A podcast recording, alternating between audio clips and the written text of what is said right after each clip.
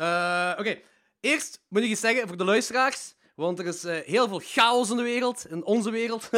dus vooraleer we beginnen, twee dingen naar de luisteraars toe. Dat als de luisteraars ook een beetje op de hoogte zijn. gaat het over politiek? Nee, fuck politiek, dat doe ik niet mee. Oh, Eh, oef.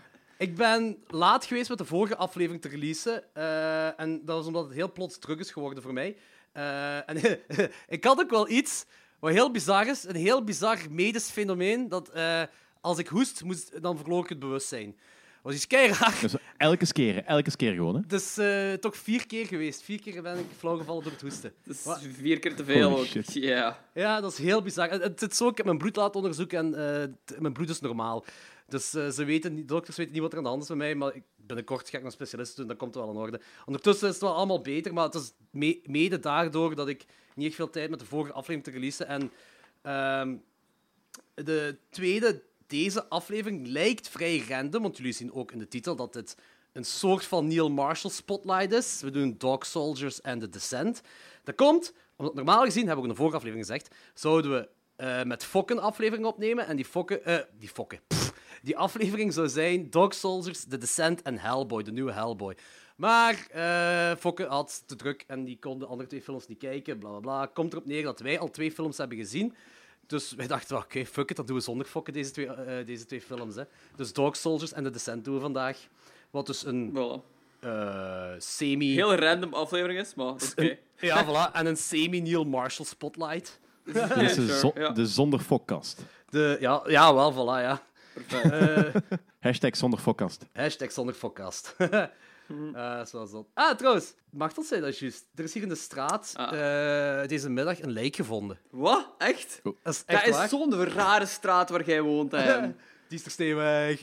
Heeft dat te maken met die kuldag terug thuis? ja, ik hoop het. Of met die shooting van in die nachtwinkel, twee huizen verder van u. Nee, nee, die, die zijn al gearresteerd. Er waren gewoon twee loemp gevallen.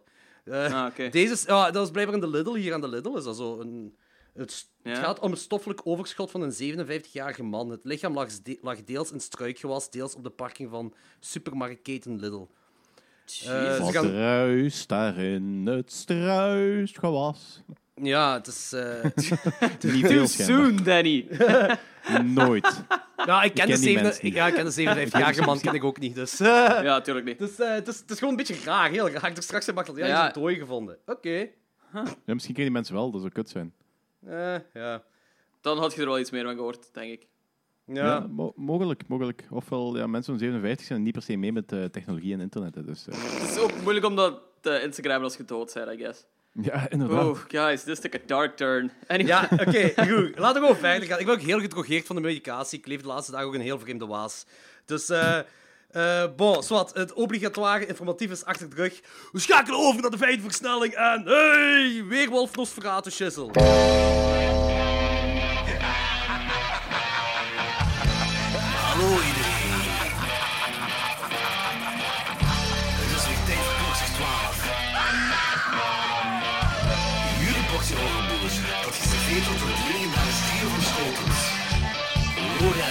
Want? Ik kan me zelfs niet een beetje herinneren. Danny Ja, fuck, die, fuck die mensen. en Jordi. Haha, yes! Bier drinken. Woo!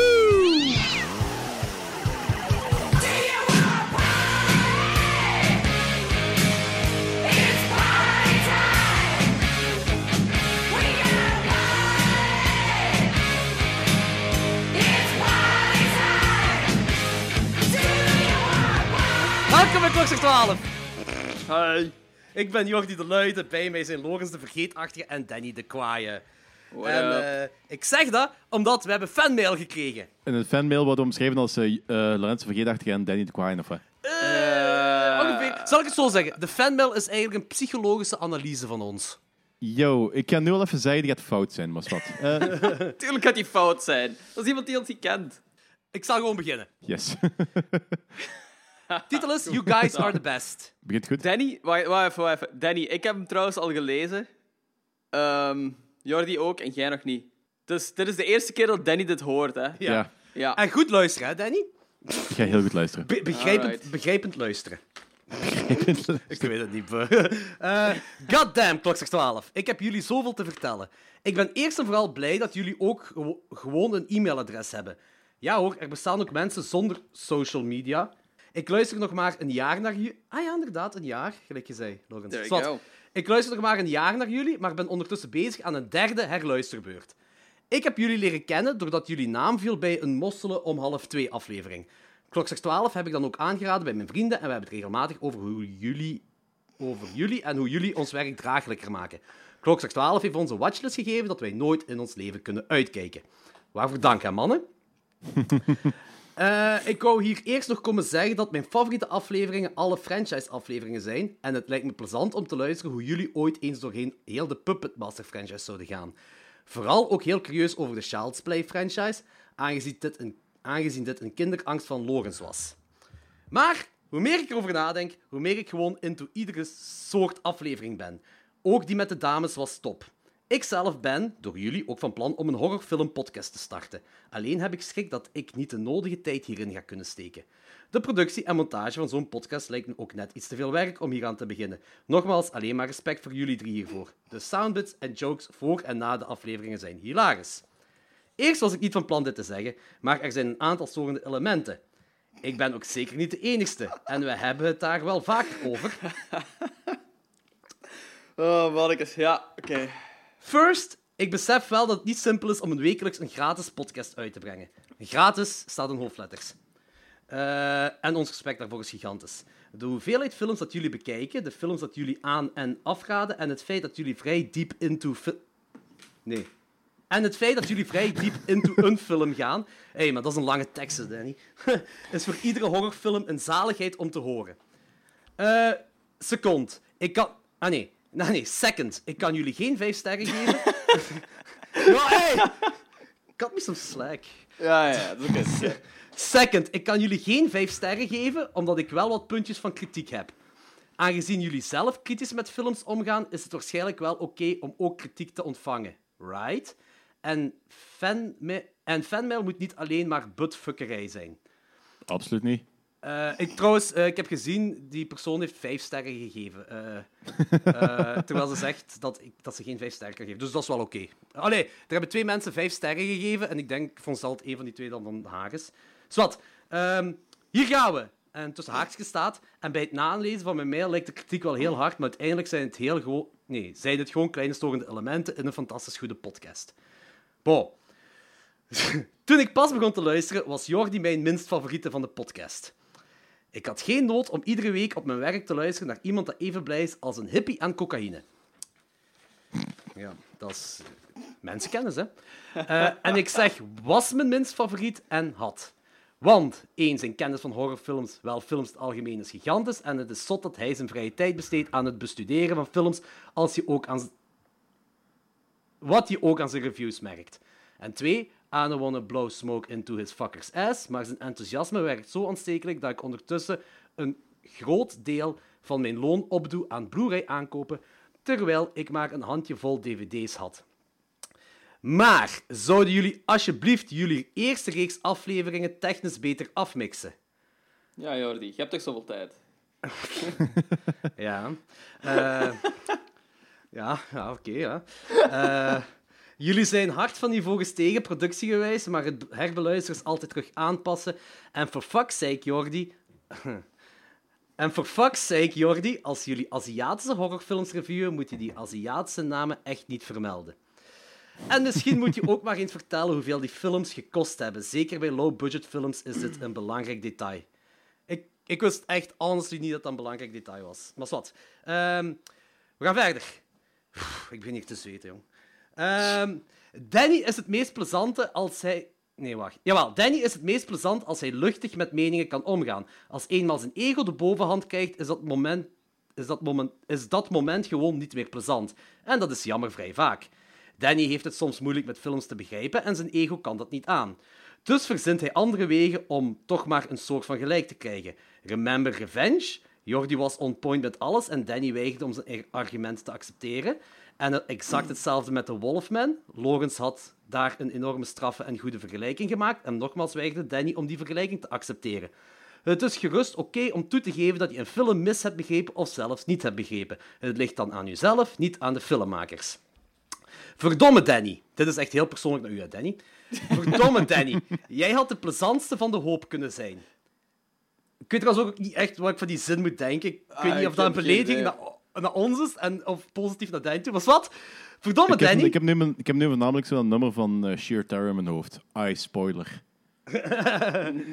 Eh, verdomme, Danny. Je had de plezantste van de hoop kunnen zijn, maar je ego en gigantische zelf, st- st- zelfstoef laat dat niet toe. Forceer jezelf niet om de slimste te zijn, want je komt dom over. Even benadrukken dat wij wel weten dat je absoluut niet dom bent. Maar ga gewoon mee met je co-host. Je beseft het misschien zelf niet, maar het lijkt alsof je een gigantische drang hebt om jezelf, ah, om jezelf te bewijzen. Ik, mijn vrienden, al de Klokster 12 luisteraars, blijkbaar, eh, weten ondertussen wel dat jij jezelf meer verdiept in het occulte dan Jordi en Lorenz. Je moet iedere keer, je moet iedere keer opnieuw vertellen: hé, hey, ik ben meer over het, ik ken meer over het culte dan jullie twee. Ik denk dat er iets niet klopt in die zin. Maar. Ik heb het gevoel dat Lorenz het meest over ja, Aziatische cinema kent en Jordi het meeste over alles van cinema. Zij twee, benadrukken dat niet, wat hun charmeert. Jij, nee, je kan trouwens ook wel erin meegaan als bijvoorbeeld Lorenz iets anders van occult kent dan jij. Just saying. Heb een beetje vertrouwen in je co-host. That is all. Oké, dit klinkt heel, heel negatief tegenover Danny. Het feit is nog altijd wel dat Danny onmisbaar is bij klokslag 12. En ook alle drie trouwens, zegt zij. Hij moet zichzelf gewoon scheiden van zijn ego. Danny's ego gaat Danny's ondergang worden. ondergang. Ondergang, hè? Kader niet ieder verhaal naar je eigen toe, Danny. Danny lijkt me ook iemand dat snel kwaad kan worden. Jullie intro bewijst dat ook al. Ja, ik, dat is een beetje een stik ook, hè? Dat is vooral die... Een beetje... Ja, onze intro's zijn ook gewoon karikaturen, hè, jong. Maar ja, whatever. Ja, Go on, go on. Ja, eh, het is nog niet klaar, hè? Het is nog niet gedaan. Kwaad zijn in een podcast werkt niet, tenzij je fokken bent. Wat, wat, de podcast werkt niet? Kwaad zijn. Ja, dat da, dat valt, ja, dat valt er een beetje tegen, want ik, ga er, hey, het is, ik, ben er geen act, ik ben er geen act aan het spelen. Hè. Ja, nee, tuurlijk niet. Daarmee, Danny de Kwaaie. Hè? dat, is, dat, is, dat, is, dat, is, dat is het ding, hè. Ja, mijn ego is ook een beetje boos, niet maar wat. Ja, wat. Eh, wacht, hier. Eén van de beste features aan Danny is dat zelfs de meest slechte jokes ook grappig zijn. En Danny heeft ook iets dat heel bekend... Nee. En Danny heeft ook iets dat heel herkenbaar is voor horrorfilmfans. Jordi ook, trouwens. Wacht even, hè. Eh, dus iets wat heel her... Wacht, nee. Ah, wacht. En Danny heeft ook iets dat heel herkenbaar is voor horrorfilmfans. Jordi ook, trouwens. Een film hoeft niet perfect te zijn om ervan te genieten. En jullie zijn beide vergevingsgezind over de meest schlocky horrorfilms. Ik luister liever naar iemand dat enthousiast is over een matige film dan een vijfde rangs filmcritic dat niet begrijpt dat film puur entertainment is. Eh, maar denkt dat zijn mening feiten zijn. We gaan verder. Het horrorgenre staat bekend om fans te hebben van slechte films. Het leuke aan horror slash cult slash puntje, puntje, puntje, is dat over het algemeen iemand kan genieten van pakweg It Follows, als bijvoorbeeld Attack of the Killer Tomatoes. Op dat vlak doen jullie een uitstekende job, daarom zijn jullie ook een steengoede filmpodcast. Maar, talking about vijfde rank filmcritics, incomes, puntje, puntje, puntje, puntje, puntje, Lorenz. Mopke, hè? Knipoog. You are as lovable as anyone else. Toch, langs de andere kant, Lorenz is, van jullie drie, het strengste voor alle films. Dus mag er ook wel streng tegen hem gedaan worden. Als Danny en Jordi negatieve kritiek hebben over een film, is dat, in het algemeen, nog acceptabel, omdat ze de film op zich reviewen vanuit, vanuit hun eigen standpunt. Ze drukken niet door dat de filmmaker iets fout doet of vooral iets niet kan. Iets niet kan in hoofdletters trouwens. Eh Lorenz' negatieve kritiek brengt de podcast naar beneden. Niet omwille van dat zijn mening niet telt, integendeel zelfs. Lorenz' mening is van heel groot belang, zolang hij beseft dat het een mening is en geen feit. Maar Lorenz draaft zijn mening niet iets te vaak door als feit. Ik snap die zin niet. Was er geen kritiek, was er geen kritiek op mij? Nee, dat is vooral Nee, kritiek het- op mij, denk ik. Ja, nee, ik ben juist ook zoiets vergelijkbaars of een... eh, ja, maar, maar niet uit. Ga door. Ik ben niet klaar. Ja, maakt niet uit, maakt niet uit. Het duurt nog wel even. Settle in, boys. We gaan zometeen even een pauze nemen, hè, want, eh, om dan door te gaan. Nee, zwart. Eh, eh, wacht. Eh, en dat is iets wat pretentieuze filmcritics altijd doen en waar horrorliefhebbers een dikke middelvinger aan geven. Loris is precies blijven steken in het eerstejaars, eerstejaars filmstudent filmkennis, terwijl Jordi en Danny veel verder staan. Seriously, een film afkraken omdat hem over de as gaat, Dat, ik, ja, ik snap die zin eigenlijk niet. Dat is zelfs niet meer eerstejaars filmstudent, maar eerste maands filmstudent. Oh, wacht, daar wil ik heel even pauze op zetten. Want dat, heb ik, dat kan ik me niet meer herinneren wanneer ik dat gedaan heb. Maar ik snap... Ik, Ik, Ik heb wel eens ergens gezegd dat er zo'n heel specifiek shot is van een film waar ze over de as gaan. Maar ik heb nooit er kritiek op gehad, denk ik. Ah, Eh, Ik heb nooit gezegd dat de film daarom slecht was. die as bedoelt hij. Ik denk Ik het. snap hem helemaal niet. Oké, maar we zullen zelfs zo stuk voor stuk eh, heel, heel die mail doen. Dat is makkelijker, denk ik. Eh, want ik denk dat ik iets over de as gaan gezegd heb in een pot. Maakt niet uit. Loris zijn mening is geen feit, Jordi zijn mening is geen feit en Danny zijn mening is geen feit. En er is drie keer geen staat in hoofdletters. Eh, het zijn gewoon meningen, hè mannen? Film is entertainment, film is passie. Iets wat Danny en Jordi Steen goed doen, is respect hebben voor iemands mening. Maar hetgeen waar Logans hard in fout gaan, is zeggen you are wrong. En iemands mening als fout bestempelen. Het leuke aan Klokslag 12 is, en tussen haakjes, slash was, dat ze films rijden naar hun gevoel, hun mening, hun subjectiviteit. Niet hoe objectief goed slecht een film is. What's the point in that, trouwens? Maar waarom langs de ene kant... Oké, die vind ik wel heel grappig. Maar waarom langs de ene kant Hell Baby aanraden en langs de andere kant zeggen dat 47 Meters Down geen film is? Dit is Ja, echt Wat wil klokslag je? 12 geschiedenis, hè? Dus, dit is echt history. Ik had nooit ook verwacht dat zo Hell Baby zoveel teweeg ging brengen. De film krijgt een half punt meer van mij nu. Fuck, kijk. oeh. Ik blijf nog altijd kut vinden. Eh, dit is gewoon lukraak een voorbeeld, maar zo zijn er meerdere. Op basis van hoeveel keer dat Logans zegt dit is geen film, kan ik alleen maar zeggen dat Logans het minste filmkennis heeft. Eerlijk gezegd denken wij er allemaal zo'n beetje over. Ik vraag me af of die allemaal nu heel klokzeg 12 luisteraars zijn. Dat is wat.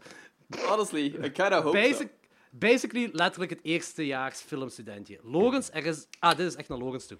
Ja, ja, Logans, ja. er is een verschil tussen ik ben niet mee met deze film en deze film is slecht. Ik denk wel dat jij dat weet. Ik ben er vrij zeker van dat jij dat beseft. Maar waar ik denk dat jij de mist in gaat, is dat je te snel caught, caught in the moment geraakt. Ah, ah zo, oké. Ik denk dat ik weet wat ze bedoelt. Nee, nee, duppe. Waardoor je uw willeke wilt doordrijven. En daardoor andere meningen als fout bestempelt. Wacht even, hè. Eh, oké. Eh, want ik... Wacht. Dit is echt de mooiste voorleessessie ooit, hè? Ja, sorry, hè. ik heb dat uitgeprint en... eh, hier. Oké, we gaan verder. Ik vind, dat ik het ook Met grote zes. ik vind dat het ook heel motiverend is voor andere mensen om mail op te sturen. Ja, eh, dat ook al, ja. Eh, ik, ga, ik hoop wel... Oké, iedereen mag sturen wat hij wil, maar...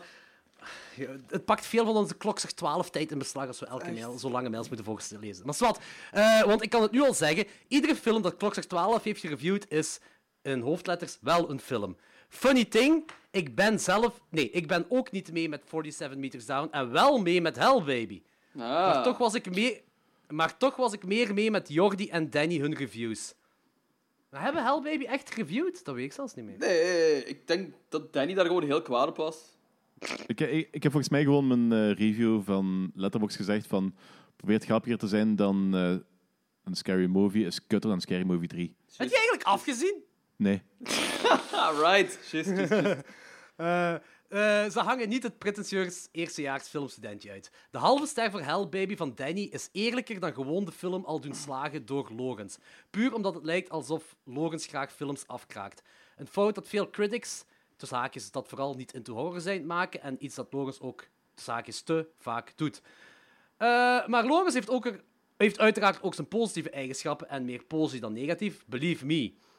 Ik weet ook niet wat hij daarmee bedoelt. Eh, dat is een beetje Ik snap ook niet wat hij daarmee bedoelt. Maar, Ja, hey, Kent je elkaar persoonlijk toevallig? lady. Ja, dat wou ik ook vragen. Is dat stalker? Eh zwart. De spontane jokes van Logan zijn wel hard on point. En wanneer hij ook benoemt dat hij niet mee is. Wacht. En wanneer hij ook benoemt dat hij niet mee is met een film, in plaats van de filmmaker af te kraken, is het veel plezanter om naar hem te luisteren. Also, iets wat ons is opgevallen: je bent niet zo consistent in meningen. In meningen. Misschien omdat je wat dingen, wat, vaker dingen vergeet. En waar komt je Saw-haat vandaan? Want in één aflevering zeg je dat de Saw-franchise absoluut niet de slimste grote franchise aller tijden is. En in een andere aflevering zeg je dat je alleen de eerste drie films gezien hebt. Hoe Dat kan is je ook dan weten... echt een ding geworden in deze podcast, trouwens.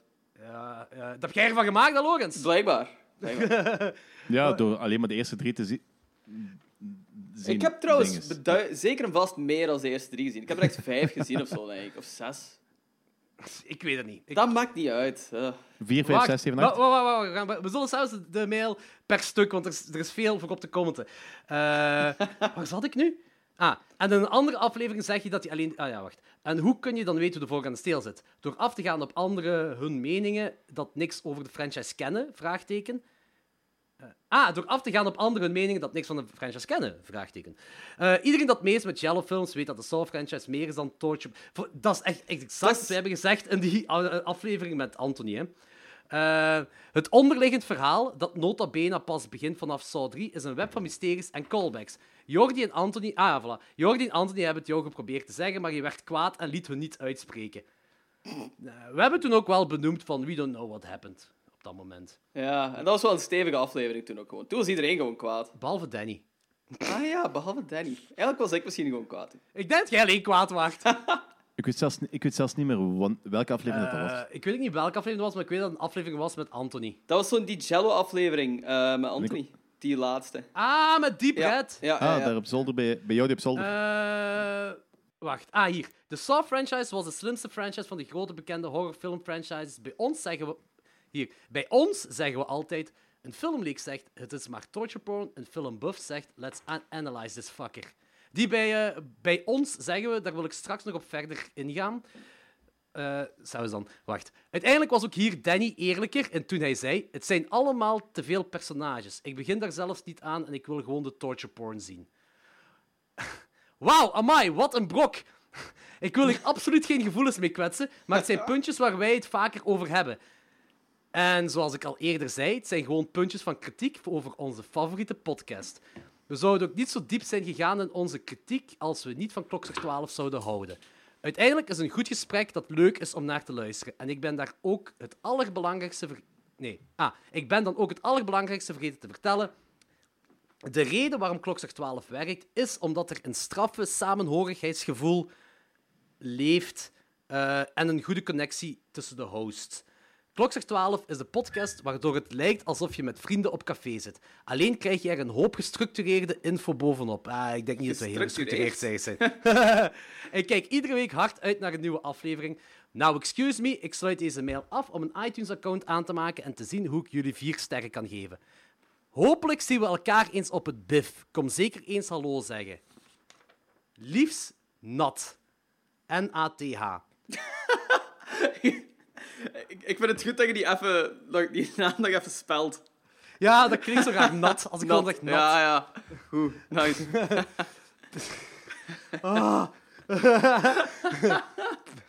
Eh, nog één zin en dan kunnen we Ah, ja, de mail doorbreken. Oké. PS, gaan jullie... Gaan jullie ooit eens De een PS. Universal Monsters aflevering... Nee, gaan jullie ooit eens de Universal Monsters afleveringen verder doen? En how about a Giant Monster aflevering? Dat was dus eh, de volledige fanmail van... Ja, ik- Nat. eh, Was dat Zoiets. 20, 20 Wacht, minuten geduurd? we, zijn echt 25 minuten verder de podcast op dit moment. Eh, maar wacht, wacht, wacht, wacht. wacht. We gaan wel... Oké. we gaan, omdat wij heel professioneel... Ik, ja, ja, professioneel. Ik heb alles hier al door elkaar, door die kutmail. Maar we gaan wel... eh,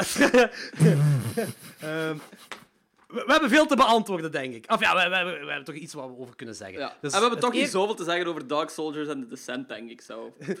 Ja, voilà. Dus het Voilà. meeste van deze aflevering gaat over deze mail gaan. Zeg, ik, ik, heb deze keer, ik heb deze keer zo'n shitload aan films Ik gezien, ook! dus je Ja, maar dat is ook- goed. We hebben een grote track-ronde en een grote fanmail ronde.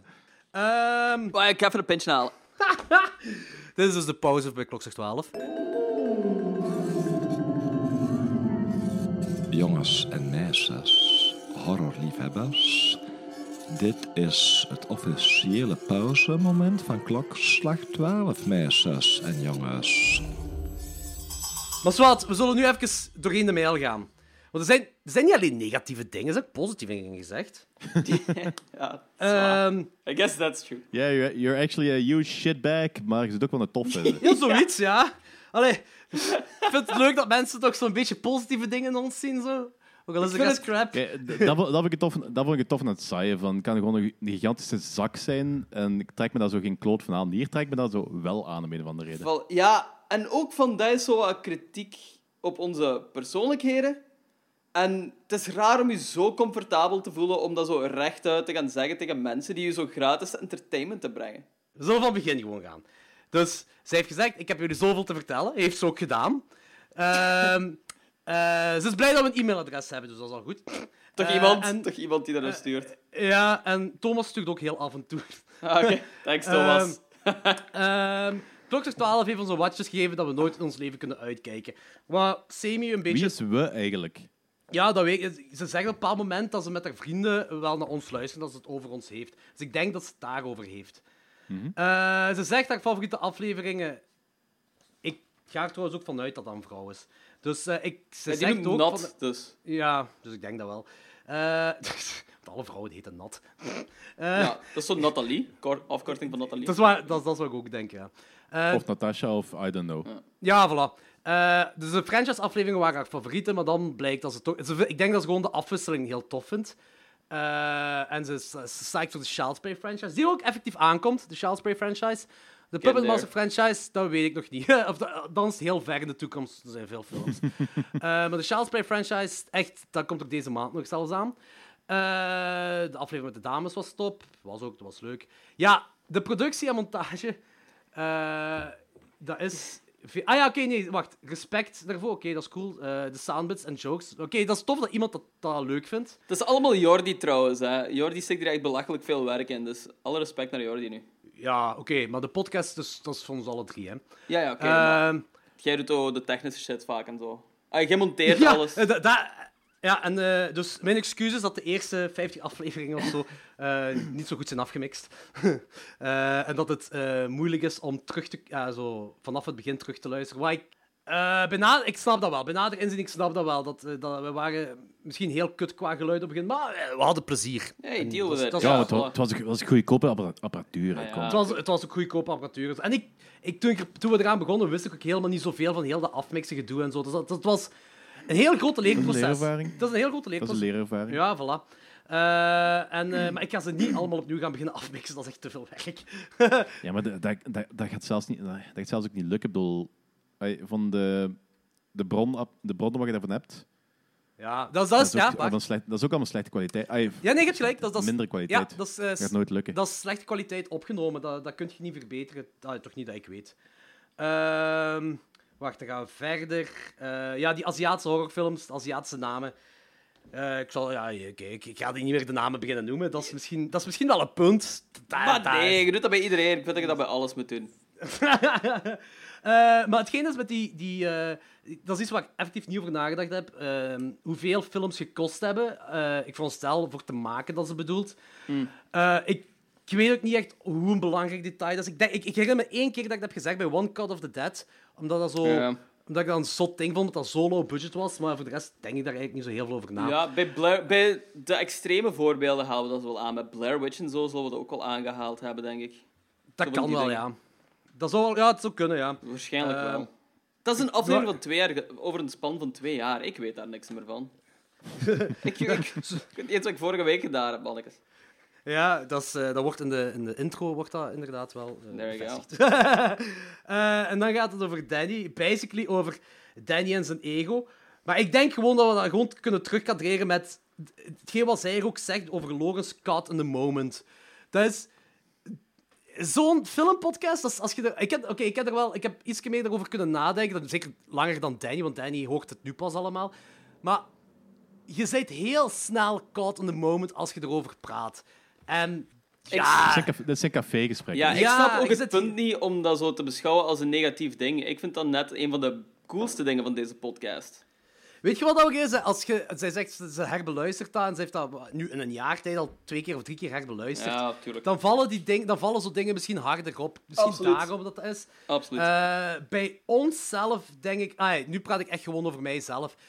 Bij mijzelf valt dat minder op. Maar dat is omdat wij zelf die gesprekken voeren, denk ik. Dus ik denk dat het daarmee te maken heeft dat dat niet zo opvalt. Ehm, ik... Ja, oké, ik monteer die dingen nog wel, maar dat is ook allemaal vers in mijn geheugen. Dat, dat is... Dat is Zwat, bij mij valt het in ieder geval niet zo fel op. En ik denk, dat, ik denk dat al die dingen, al die kritiek eigenlijk kan samengevat worden in caught in the moment. Dat allemaal zo is van... Ja, misschien gaan we er iets te fellen op. En misschien... Ja, we zullen sowieso wel verkeerde dingen zeggen. Ik denk niet dat Tuurlijk. iemand van ons zoiets heeft van... Eh, want er staat ergens in, in, in het eh, vet... Jor nee, Logan's mening is geen feit, Jordi's mening is geen feit en Danny's mening is geen feit. En misschien... Wij weten dat alle drie. Dat weten we alle drie, dat dat geen Ja. feit is. Maar misschien komen op bepaalde momenten zo over alsof wij denken Ja, dat dat wel een feit is. Maar dat is toch- dan nog niet zo Oh. bedoeld. Nee, tuurlijk niet. Je moet zo 100%... Ik ga niet constant zeggen van... Ja, mijn mening is. Ja, mijn mening is. Nee, als ik een film slecht vind, dan vind ik de film gewoon slecht. En voor mij is dat een feit. En de wereld moet beseffen dat dat voor... Jullie mogen een andere mening hebben als mij. Je moet niet mijn mening volgen. Dus ik besef 100% dat dat gewoon geen objectief feit is. Dat is gewoon een subjectief feit voor mij. Snap je? Ja, en ik denk, ja, voilà. En eh, bij mij is ook. Ik probeer er wel, de laatste maanden, probeer ik er wel op te letten dat ik niet. Dat ik zeg van naar mijn mening toe of zo. Maar dan begin ik te monteren en dan besef ik dat ik dat ook niet gedaan heb. Maar je Dus- moet dat echt niet zeggen. Ik bedoel, het is... je, hebt, je, moet dat, je moet We uw gaan dat mening niet nu voor deze verantwoorden. keer- we gaan dat nu voor deze keer zeggen. En let it be written down. Cast and Stone weet het allemaal. Als wij het zeggen, is dat mening. Ja, en, Onthoud het. en, het is een mening. en hiervoor wisten mensen dat niet, hè? Ja, voilà, hier ja, toch. hiervoor wisten mensen totaal niet, maar het is, het is gewoon dat, dat, dat het nu bekend is. Ik heb, ik heb een persbericht uitgestuurd naar VRT. Eh, ze weten dat nu, wordt morgen uitgezonden op nieuws. Het is een mening. Oké, oké, oké. Bij deze weet iedereen dat. Onze, Voilà, onze, iedereen. onze dingen zijn meningen. Onze, onze, onze meningen zijn meningen. Daar komt het op neer. Onze meningen zijn meningen. Eh, er is hier wel iets heel... eh, eh, oké, en de- hetgeen wat ik echt, echt grappig vind, is de vergelijking van 47 Meters Down en Hell Baby. Want dit is echt dit is heel lang geleden voor mij. En ik weet dat Hell shit, Baby ja. was een, een, eh, een, een kaakslagfilm, dat weet ik. Ja. 47 Meters Down hadden we gereviewd. Samen met Jaws, denk ik, of zo. Met ja, ja, met want daar heb ik wel onthouden, omdat eh, toen, ik, ik weet niet of ik dat tegen u heb gezegd, of tegen Daddy, maar ik, ik heb wel gezegd, ik denk dat het grappig is om elke keer als er een haaienfilm uitkomt, dat te bespreken met een sequel van Jaws. Dus als nu een Oh, andere ja. haaienfilm komt, Jaws 2 te doen, en dan Jaws 3 en dan Jaws, dat lijkt me wel grappig. Daar, daarmee dat onthouden dat we het samen met Jaws hebben gedaan. Maar, eh Hell Baby Week, ja, ik weet dat Lorenz fan is, en eh, Danny en ik, ja, Danny helemaal niet. Maar ook Dat zo, ik- is- fan. Ik heb die film een 6 op 10 gegeven, of zo. Ja, oké, fan als een kaakslag zijn. Ja, oké, oké, oké. Da- daar komt je meestal bij eh, maximum 6 op 10 terecht, denk ik. Allee, dat is ook zo een beetje. Maar 47 meters down, dan weet ik heel eerlijk gezegd niet meer juist wat er gebeurd is. Ik, ook, Eh. ik weet dat ik die film gewoon niet goed vond. Oké. En ik weet, honestly, heb ik geen idee meer wat ik gezegd heb tijdens die aflevering. Dat is meer dan een En jaar Danny? geleden, mannetjes. Dat, dat, dat was helemaal een begin zelfs, denk ik. Ja. Eh, ik denk een van de eerste afleveringen met Danny, denk ik dat dat was. Nou, dat kan wel. Poeh, dat weet ik eigenlijk Dat is niet. echt al lang geleden, zo'n mannetje. We- maar dat- langs de andere kant vind ik dat dan weer cool dat wij. eh, eh, dat, dat, dat zij zo fel into Kijk. oude dingen. Want wij hebben er ook werk in gestoken. Ik apprecieer de passie, absoluut. En ik vind het heel cool dat hij er zo beluistert en opnieuw luistert met vrienden en whatever. Maar, ja. Ik weet is, niet of er een point is in analyseren. dit is ook niet echt het punt. Ik bedoel, ik doe het ook gewoon Nee. voor mijn plezier. Ik weet dat ik geen filmcritic ben. Tuurlijk ben ik dat niet. Niemand van ons is dat. Wij doen dit gewoon alle drie omdat we dat wel fijn vinden om over de films te praten. En letterlijk onze mening te zeggen over films. En wij doen dat ook al bijna drie jaar, hè, mannen. Dat is ook Hey. eh, niet te onderschatten. Oh, nee, twee jaar en Ja, een beetje. eigenlijk, zijn, Sorry. eigenlijk zijn we wel filmcritics. We zijn gewoon heel amateuristisch filmcritics. Ja, Oké, oké, dat is waar. Eigenlijk wel, eh, maar ik, dat, is- dat, is- dat is een beetje de bedoeling van ons ook, amateurische filmcritics te zijn. En Ja, gewoon... true. Eigenlijk, nee, eigenlijk is gewoon de bedoeling om plezier te maken en over films te zeveren. En wat eruit komt, komt eruit. Voilà, eigenlijk dat is het. En- Wat eruit komt, komt Maar- eruit. Ik denk hier niet te veel over na, over wat ik zeg. Just say things. Ik denk gewoon dat zij, en ofwel zij en haar vrienden, en of, of dat nu de Biff Crew is of niet, ik weet het dus niet. Maar ik denk, ah, dat, dat is denk ik gewoon eens wat van een, ja, ik weet niet, van een hartmoed of zo. Of dat je gewoon, ik weet niet, ja, er zal waarschijnlijk geen punt achter zijn. Ehm er zullen waarschijnlijk ook, ja, ik zeg het, ik heb aan Machtel laten lezen. Machtel zegt, deze, deze mail is effectief wel on point. Maar Machtel stelde ook de vraag van, is dat wel de moeite om te vertellen allemaal? Wat was het punt eraan om dat allemaal te vertellen? Want je luistert en... Mensen luisteren naar ons omdat ze onze dynamiek juist goed vinden. Ja, voilà. Dus waarom zouden we dat veranderen? Ik denk ook niet dat... Maar ik denk ook niet dat het punt is dat we moeten veranderen. Of misschien wel. Maar het is kritiek. Allee, Ja, nee, het, het het- kijk, het gaat ook niet gebeuren. Ik, bedoel, ik, ben, ik ben 34, ik heb een gezin, ik heb alles wat ik wil. Ik, bedoel, ik zie geen enkele reden om ik het zou moeten veranderen. Nee, of wat. Ik denk niet dat dat het punt is om te veranderen. Ik denk Ja, maar dat- waarom, wa- waarom, waarom moet het dan gezegd dan worden? aanhalen. Ja. Ja, gewoon aanhalen. Denk. Een beetje waarom wij ook kritiek geven op films. Wij zeggen ook niet dat die film moet gaan veranderen. Eh, we halen ook gewoon punten aan en ik denk dat dat zo wat is. Ehm, ik, ja, ik weet- Maar de- deze mensen of deze persoon zal ook wel beseffen dat we dat niet kunnen veranderen. Plus, als we dat gaan veranderen, dan gaan we pas een shitty podcast hebben. dat, Ja. dat denk ik echt. Ja, dat denk ik echt. Eh, maar de dynamiek zit Van, goed. Zij, van Geelst en vrienden. eh, zij zegt dat op een bepaald moment... Ik heb, ja, het zijn echt veel pa- pagina's, ik moet even terugzoeken. Hè. Maar ze zegt op een bepaald moment echt wel iets in de aard van dat onze dynamiek echt wel on point is of zoiets in die aard.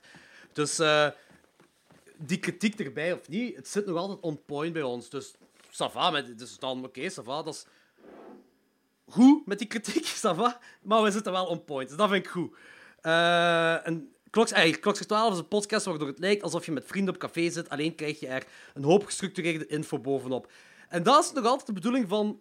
Buiten gestructureerd. Eh, is, ja, er nog altijd wel, eh, is er nog altijd wel de bedoeling vanaf eigenlijk aflevering 1 geweest, dat je gewoon een luchtige podcast hebt om dat te luisteren alsof je met vrienden op café zit. En ja, ik zit ook film aan praten. Soms kan het daar iets gepassioneerder in gaan. Maar ja, dan gebeurt dat. Dat is, dat, is, part of the charm. Kijk, je mocht denken en doen wat je wilt. Je mocht vinden van ons wat je wilt. Het is cool dat je luistert.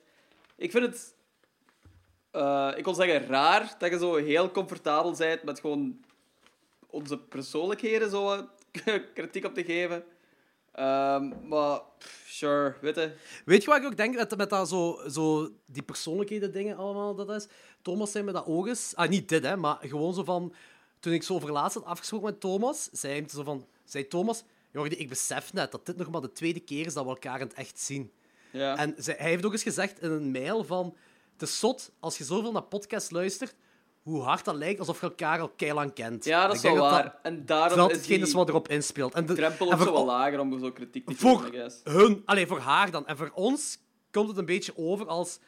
Ja, iemand wereldvreemd heeft ons geanalyseerd. Dus kijk, kijk, een beetje raar. Ehm, en ik denk dat dat, dat een, beetje, een beetje raar is gewoon. Zwat. Zij zegt nog iets. PS, gaan jullie ooit de Universal Monsters aflevering verder... Nee, gaan jullie ooit eens de Universal Monsters aflevering verder doen? Ik ga dan, aflevering 100, ga ik ehm, eh, vertellen welke knoopjes we nog aan elkaar moeten... Of welke dingen we nog aan elkaar moeten knopen. Eh, wat er nog allemaal moet gebeuren, zijn nog een paar dingen dat we nog moeten afmaken. En dat gebeurt allemaal, maar ik zal een opsomming in aflevering 100 doen, want aflevering 100 gaat een mega grote aflevering worden. En dan zegt zij, how about a giant monster aflevering? Nu, ik dacht dat we dat als in de podcast aflevering hebben Ooit, gezegd ga- met... als zo die eh? Godzilla vs. Kong gaat uitkomen, gaan we zo... Dat hebben we eens verteld, hè? Dat niet? hebben we eens verteld. Maar dat is zo in 2020 Ja, of zo. Daar gingen we op wachten, geloof ik. Hè? Ja. Ja, maar ik heb trouwens een idee erop. Eh, daar kan ik nu echt naadloos over in- op ingaan, want dat is ook een vraag naar jullie toe. Want we hebben er even over gehad, hè, van als die eh, Godzilla vs. Kong uitkomt, dat we zo die nieuwe Monsterverse gaan bespreken, hè? Ja. Exact. Ja, als we nu even, zo af en toe eens een aflevering ertussenin zouden opnemen met oude eh kaiju-films, met oude Godzilla-films, met Anthony erbij. Dat zou, ik, dat zou ik wel zien, want ik heb zoiets van... Al ja, die, die dat nieuw Monsterverse is niet de alpha en omega van de, van de mon- grote monsters. Hè. Er zijn ik weet niet veel andere Godzilla-films, King Kong-films, weet ik wat allemaal, kaiju-films. We moeten niet per se wachten tot die alle vier uit zijn, voordat we er eentje, voordat we zo'n film, aflevering over maken. Hè. Voilà, vind ik een goed idee. Dus ik, ik was ook aan het denken van... En dan nemen we gewoon Anthony erbij, hè. Want Anthony is een keigrote fan van die dingen. Dus dat zou, ik denk dat dat wel tof aflevering is. Dat ze gewoon zo'n paar keer zo twee, drie Godzilla-films of Kong-films of whatever zo eh, gaan bespreken. Zo ergens een tijdsprongen maken, eh, whatever. Er bestaan 30 Godzilla-films, we hebben keuze genoeg. En dan, eh, wanneer is dat? Volgend jaar of binnen twee jaar? Ik weet niet meer zeker. Komt Kong versus Godzilla uit. En dan doen we gewoon die nieuwe dingen, hè. De nieuwe Monsterverse dat nu is uitgekomen. Dat dat wel leuk kan zijn. Yes. Ja, absoluut. Voilà. Dus dat is dan ook. Dan zijn we. Trouw- eh, oh ja, ik wil nog iets zeggen. Nathalie, dikke merci voor uw heel vreemde mail naar ons Of toe. Natasha, dat kan ook. Of, Of Natasha. Nathan, dat kan ook. Of, of Nathan. Ah, dan is dat wel een keer. Inderdaad. Of misschien gewoon nat. Of misschien gewoon nat, dat kan ook. Nat, nat punt. Merci voor uw Hey. mail. Want hij of zij heeft effectief vijf sterren gegeven in plaats van vier. Dus ik denk dat dat allemaal vrij kleine puntjes van kritiek waren die nu heel hard overkomen bij ons. ik ga, in mijn hoofd is dat gewoon zo. Dat zijn kleine puntjes van kritiek, want ze heeft vijf, ster- of hij heeft vijf sterren gegeven. Dus dikke merci voor uw mail, dikke merci voor uw analyse. En eh, nee, we gaan niet veranderen. Dus eh, hey, maar merci om te luisteren. Integendeel. En, en, en, merci om opnieuw te beluisteren. Dat vind ik effectief cool. En ik, ik vraag me dat effectief ook soms af of mensen herbeluisteren, want we steken veel tijd in die aflevering. En het is wekelijks dat we dat doen. Dat is cool, mensen herbeluisteren. Dat gezegd zijnde, eh, ik ga hier heel misschien on the spot een nieuw segment erbij halen. maar, maar, maar, ik ga even, uit, ik ga even uitleggen. Hè. Want ehm, eh, het, is, ik, het is niet voor meer films te kijken, dat niet. Eh, dus jullie, jullie zijn al een beetje geruster, denk ik. En ik ga het alleen doen bij afleveringen die korter zijn. Dus niet bij, eh, bij langere afleveringen niet. Maar het is zo, er zijn meer en meer mensen die aan mij vragen van... eh Jordi, eh, hoe zit dat met nieuwe Blu-ray releases? En waar kan ik best die Blu-ray release halen? Waar dan, waar dan, waar dan? Als ik aan denken dat ik zo eh, een release, Blu-ray release van de week ga doen... die uit is gekomen en waarom ook. Dus niet gewoon van, ah, ik zeg maar iets, ah, er is een nieuwe Psycho op eh Blu-ray uit, dus ik ga zeggen dat is de release van de week. Nee, nee, nee. Echt een release waar veel werk in gestopt is. Eh, ik ga nu een voorbeeld aanhalen. Eh, bijvoorbeeld eh, de DVD-release wat Danny heeft gekocht van The Devils. Dat is, ik, heb er effectief, ik heb er heel veel opzoekwerk over gedaan. En dat is de beste release die je in Europa kunt krijgen om heel veel verschillende redenen. Dat is niet de uncut versie, want de uncut versie kun je in Europa niet krijgen, alleen in Amerika. Maar dat is om heel veel redenen wel een super, super goede versie. Er is ook een documentaire bij, denk ik. Danny, kan dat? Ja, meerdere zelfs. Meerdere zelfs. Dus in de aard daarvan ga ik bij... eh, ik ga het ook op het einde van de aflevering doen. Als ik zie van, kijk, deze aflevering was maar een uurtje of een half of, of, of drie kwartier of whatever, dat we nog een klein segmentje erbij hebben. En dat men- want collectors, verzamelaars, dat zit in onze community. En dat is cool om zoiets erbij te halen. Oh, klinkt goed. Maar nu, dit is misschien wel een beetje on the spot, maar ik dacht misschien om de release van de week, nu, vandaag, te openen, te beginnen met de Devil's release van Danny. Danny, zit gaan zitten? Eh, ik heb die nog niet goed kunnen bekijken. Dus, Maar eh, jij hebt die... Staat op de achterkant niet op de flap, zo wat dingen erop. wacht, ik zal hem eens even erbij halen. Voilà, haal hem even bij. En dan gaan we ook een mega coole soundbit maken voor hierbij. Release van de week. Ik, ik, ik. Perfect, perfect. Dat was de soundbit. Oké, we hebben dus ehm, de tweede DVD-versie van The Devils van Ken Russell. Waar de... ehm hoe is de on the spot? is wel een beetje raar. Het is een UK ja, ik weet het, sorry. Dus de UK-release met de eh, DVD premiere presentation of the original UK X certificate, certificate version. Dus ja, dus die film, de, ik denk de, de 107 minuten durende versie, met diverse documentaires, eh, US-trailer, UK-trailer. eh, er zit nog een heel mooi boekje erbij, is effectief ook wel leuk, met heel veel background-informatie en heel mooie stills en nog meer. Ja, Nee, ik, dat is het, is een beetje lullig. versie. Het is een beetje lullig omdat ik dat on the spot heb gevraagd wel, maar ik heb wel, je had, die, je had dat in onze messenger ding heb je dat gestuurd die foto en toen vroeg ik je onmiddellijk waarom niet de Blu-ray. Toen zeg je ja, ik denk niet dat er iets beschikbaar is en ik ben daar, ben daar gaan opzoeken, ik ben op verschillende fora terechtgekomen en het komt er echt op neer dat jij echt de beste versie hebt gekocht dat je kunt dat available is in Europa. Je kunt niks be- de- er bestaat geen Blu-ray hier in Europa, ofwel is dat heel fel kut en deze is niet zo heel fel kut. Ehm, maar eh, waar heb, nog een ding wat ik wel in die release van de week whatever, erbij wil halen, is van waar je die besteld hebt en, en ook de prijs erbij zetten. Zo weet je dat, dat luisteraars een beetje meer weten. Weet je nog waar je die besteld hebt? Ik heb nu gewoon voor- op eh, eBay voor 10 euro, 10 euro gescoord.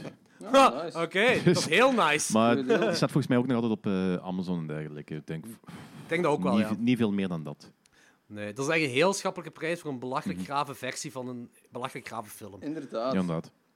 Dus dat is zeker de moeite. En eh, eh, ik ben zelf iemand dat geen dvd's meer koopt. Eh, ik heb Ja, gezegd, ik ik ga kan alleen maar ook niet. Blu-ray. Dus eh, er is enkel nog, enkel nog films die ik echt wil hebben en die niet op Blu-ray beschikbaar zijn. Voilà, dit is zou ook een uitzondering van mij zijn, wat jij nu hebt gekocht. Dus dat is eh, de Devil's DVD, wat Danny nu zei, is echt wel een dikke, dikke aanrader. Zeker voor de Devils alleen. Hoe is de Devils? Fuck, ik kan het nog eens zeggen. Hupsa.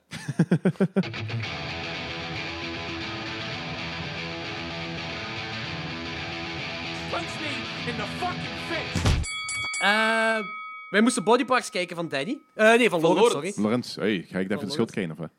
De schuld, oei, oké. Dan moet je al onmiddellijk zeggen wat je ervan film vond, Danny. Ja, ik vind, het- ik vind het juist een hit. Ah, Ja. oké.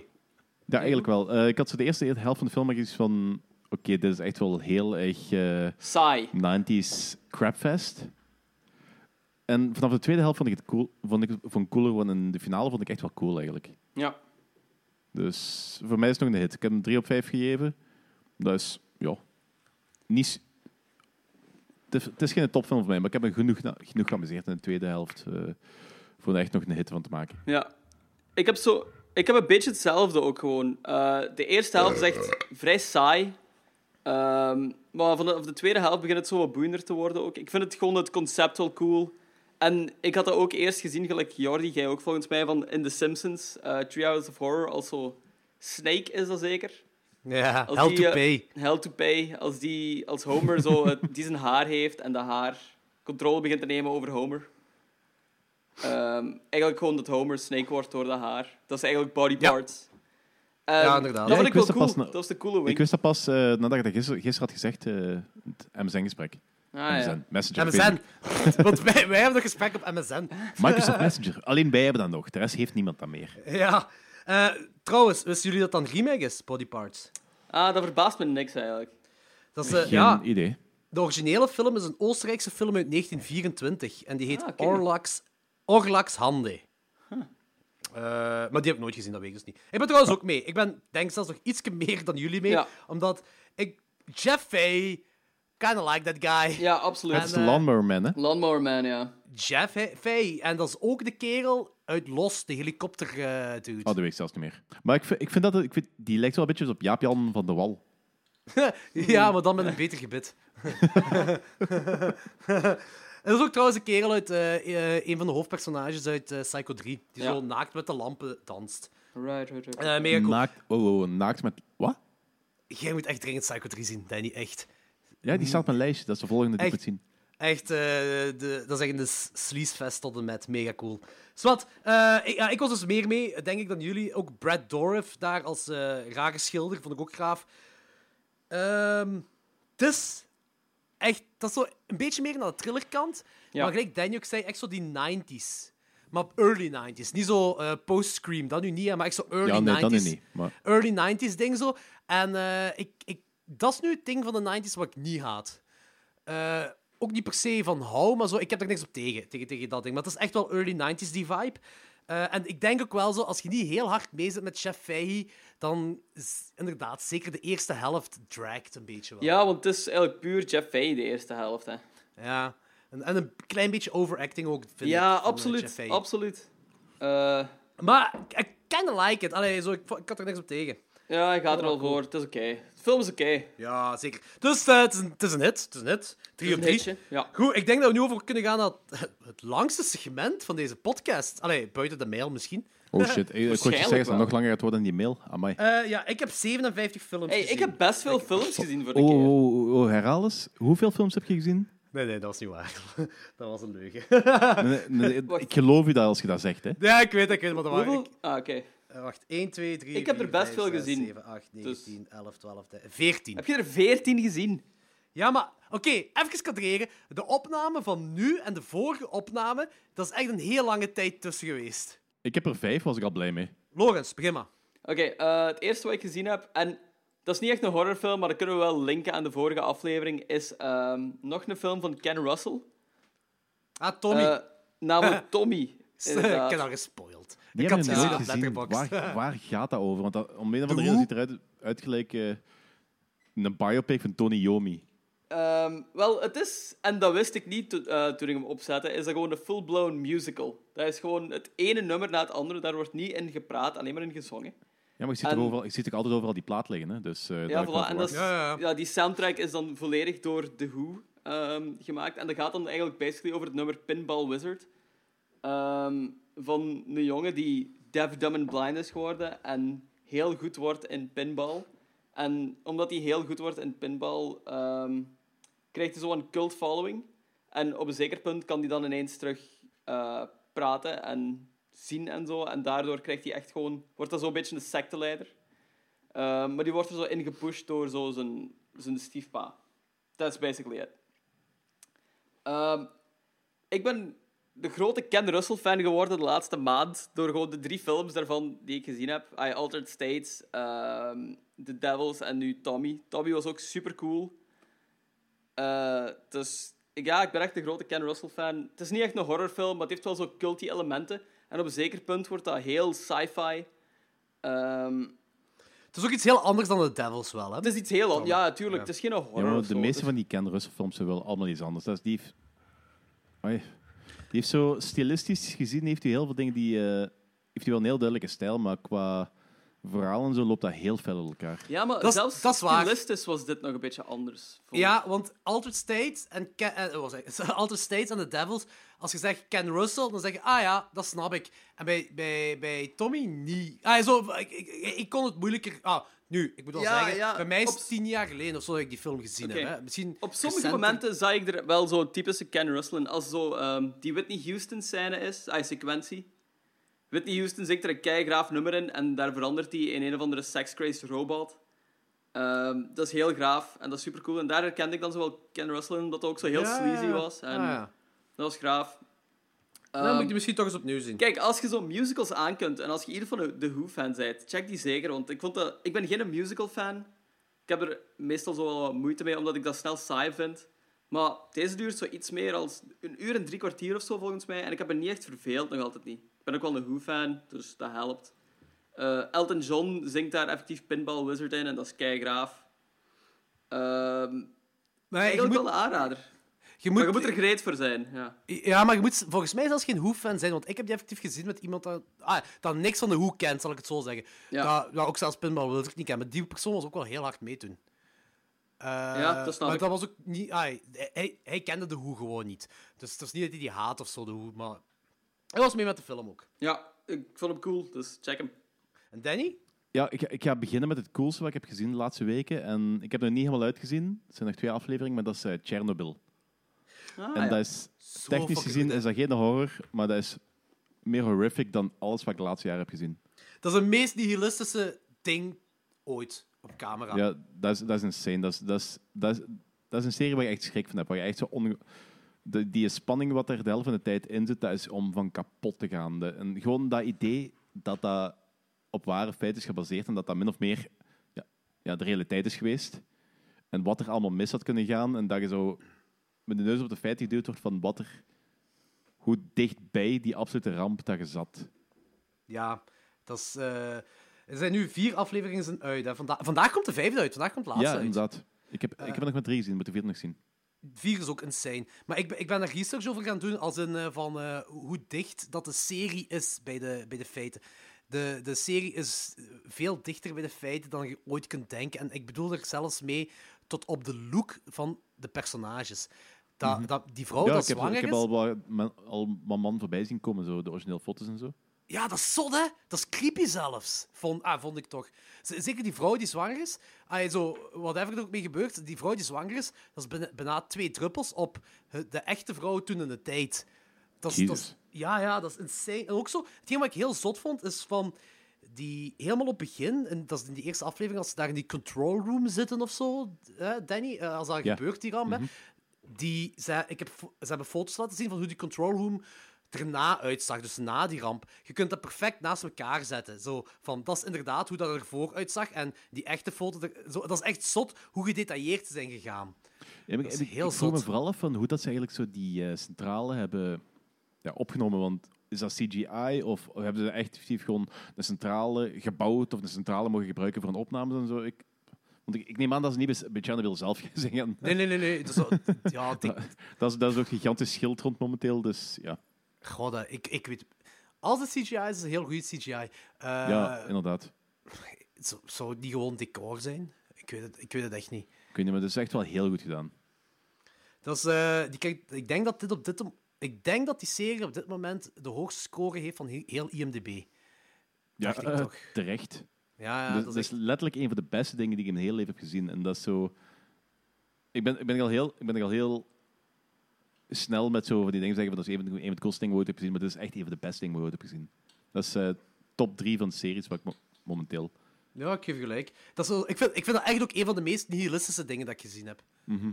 misschien ook omdat dat zo waarheidsgetrouw is, dat kan er weten. Maar, hoe fucked up zien die, mensen, zien die mensen eruit die zo ja, ja, blubber zijn op een bepaald Die moment? letterlijk gewoon smelten zijn. Ja, dat is, dat, dat is niet zo cool gelijk in Street Trash of andere smeltfilms.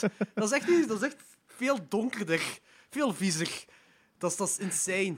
Wie had dat kunnen denken dat de realiteit veel viezer is dan de film die gewoon in- on- interessant moet zijn? Ja, tja, had ik niet over nagedacht. Nee, nee, nee. Nee, maar ik, ik, ik heb je wel 100% gelijk. Chernobyl is, dat is, dat is een van mijn favoriete series ook op het moment. Ik, fuck man. Ik, en na elke aflevering zo... de- we hadden de eerste aflevering opgezet en we waren er, zo Macht en ik waren er allebei niet goed van. En, en toch zo... Ja, we gaan de tweede toch wel kijken. we gaan toch wel verder kijken. Dat is ook zo heel verslavend. Ja. mhm. Want je wilt ook weten wat, wat er gebeurt. Ja, je weet wat er gebeurt, maar je, wilt, je weet toch niet... Het is ook zo cool van... Ja, ja, ja. van je, je leert het verhaal ook beter kennen. En dat vind ik ook heel interessant. Want je weet wel, zo, ah ja, Chernobyl, dat is, eh, dat is eh, een, een meltdown geweest en bla bla bla. En eh, dan poffing en bla bla bla. En eh Pripyat is nu eh, zo, dat dorp waar zo niemand woont. En, maar ja, dat weet je. En de rest. Ja, maar ik ben nu ook zo dingen erover gaan opzoeken. In 2016 pas zijn, hebben ze een tweede sarcofaag erover gebouwd. Ja, of een nieuwe of zoiets. Wat insane is. Dat is nog maar drie jaar terug. Maar dat was, een paar, dat is een paar jaar geleden nieuws geweest. Hè? Dat was eh, een big deal. Dat is echt insane. Dat is echt mega zot. En, en ja, ik, ik vind zo'n dingen vind ik echt ik vind heel interessant en mega fucked up tegelijkertijd. Kameraden van mij zijn onlangs trouwens in Pripyat geweest. Je kunt er effectief... Ik weet niet hoe legaal dat, dat is, maar je kunt er effectief rondlopen. Maar is Tom Waas is daar toch geweest? Ja, dat, die, is, die is overal geweest. Ja.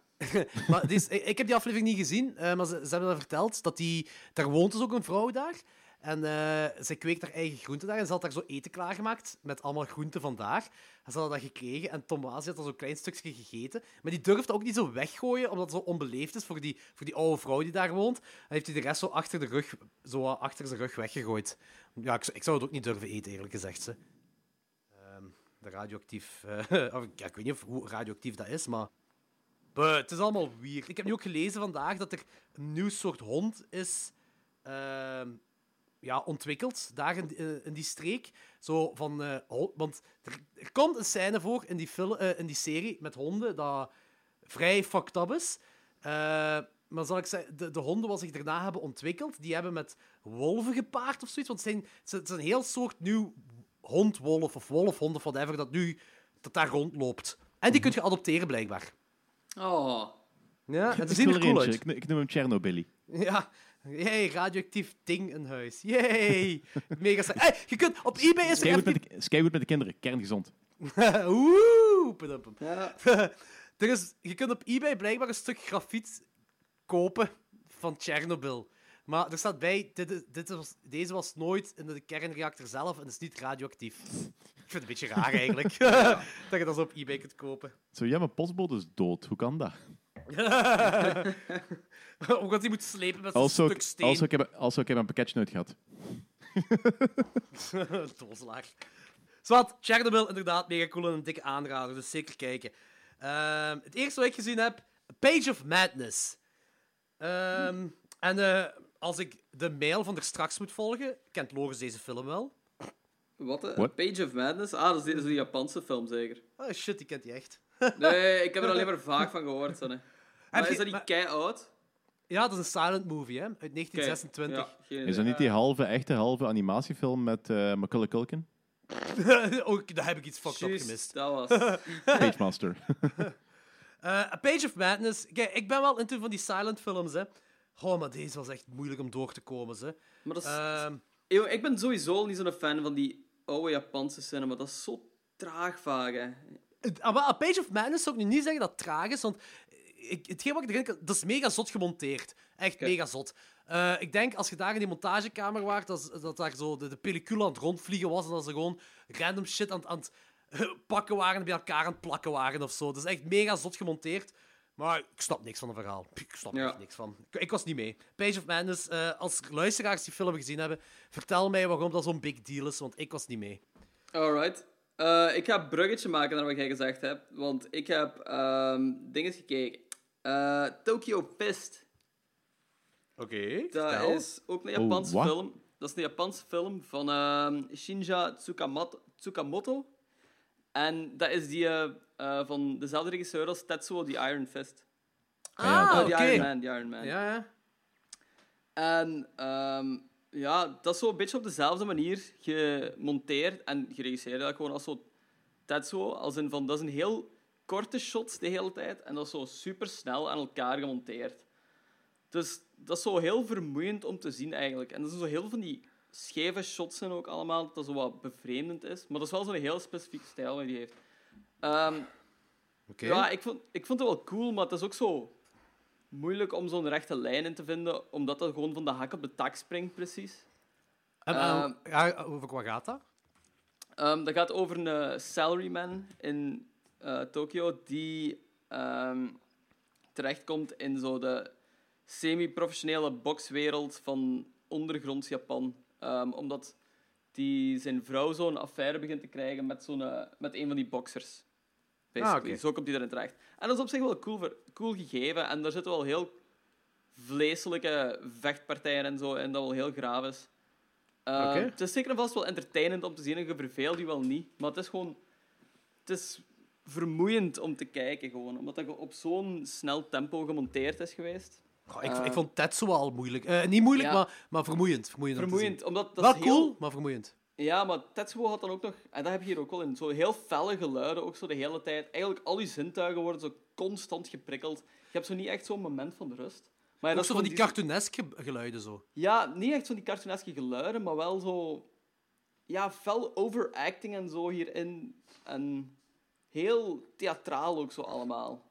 Ehm, Oké. Maar dat past dan wel met die montagestijl en zo. Het is een specifieke stijl. Het is niet 100% mijn ding, maar ik vind dat er nog altijd wel zo'n zekere sfeer in zit van... Ah, dat is zo underground Tokyo. Dat is heel vuil en dat is heel bezweet allemaal. Dat voelt heel warm aan. En...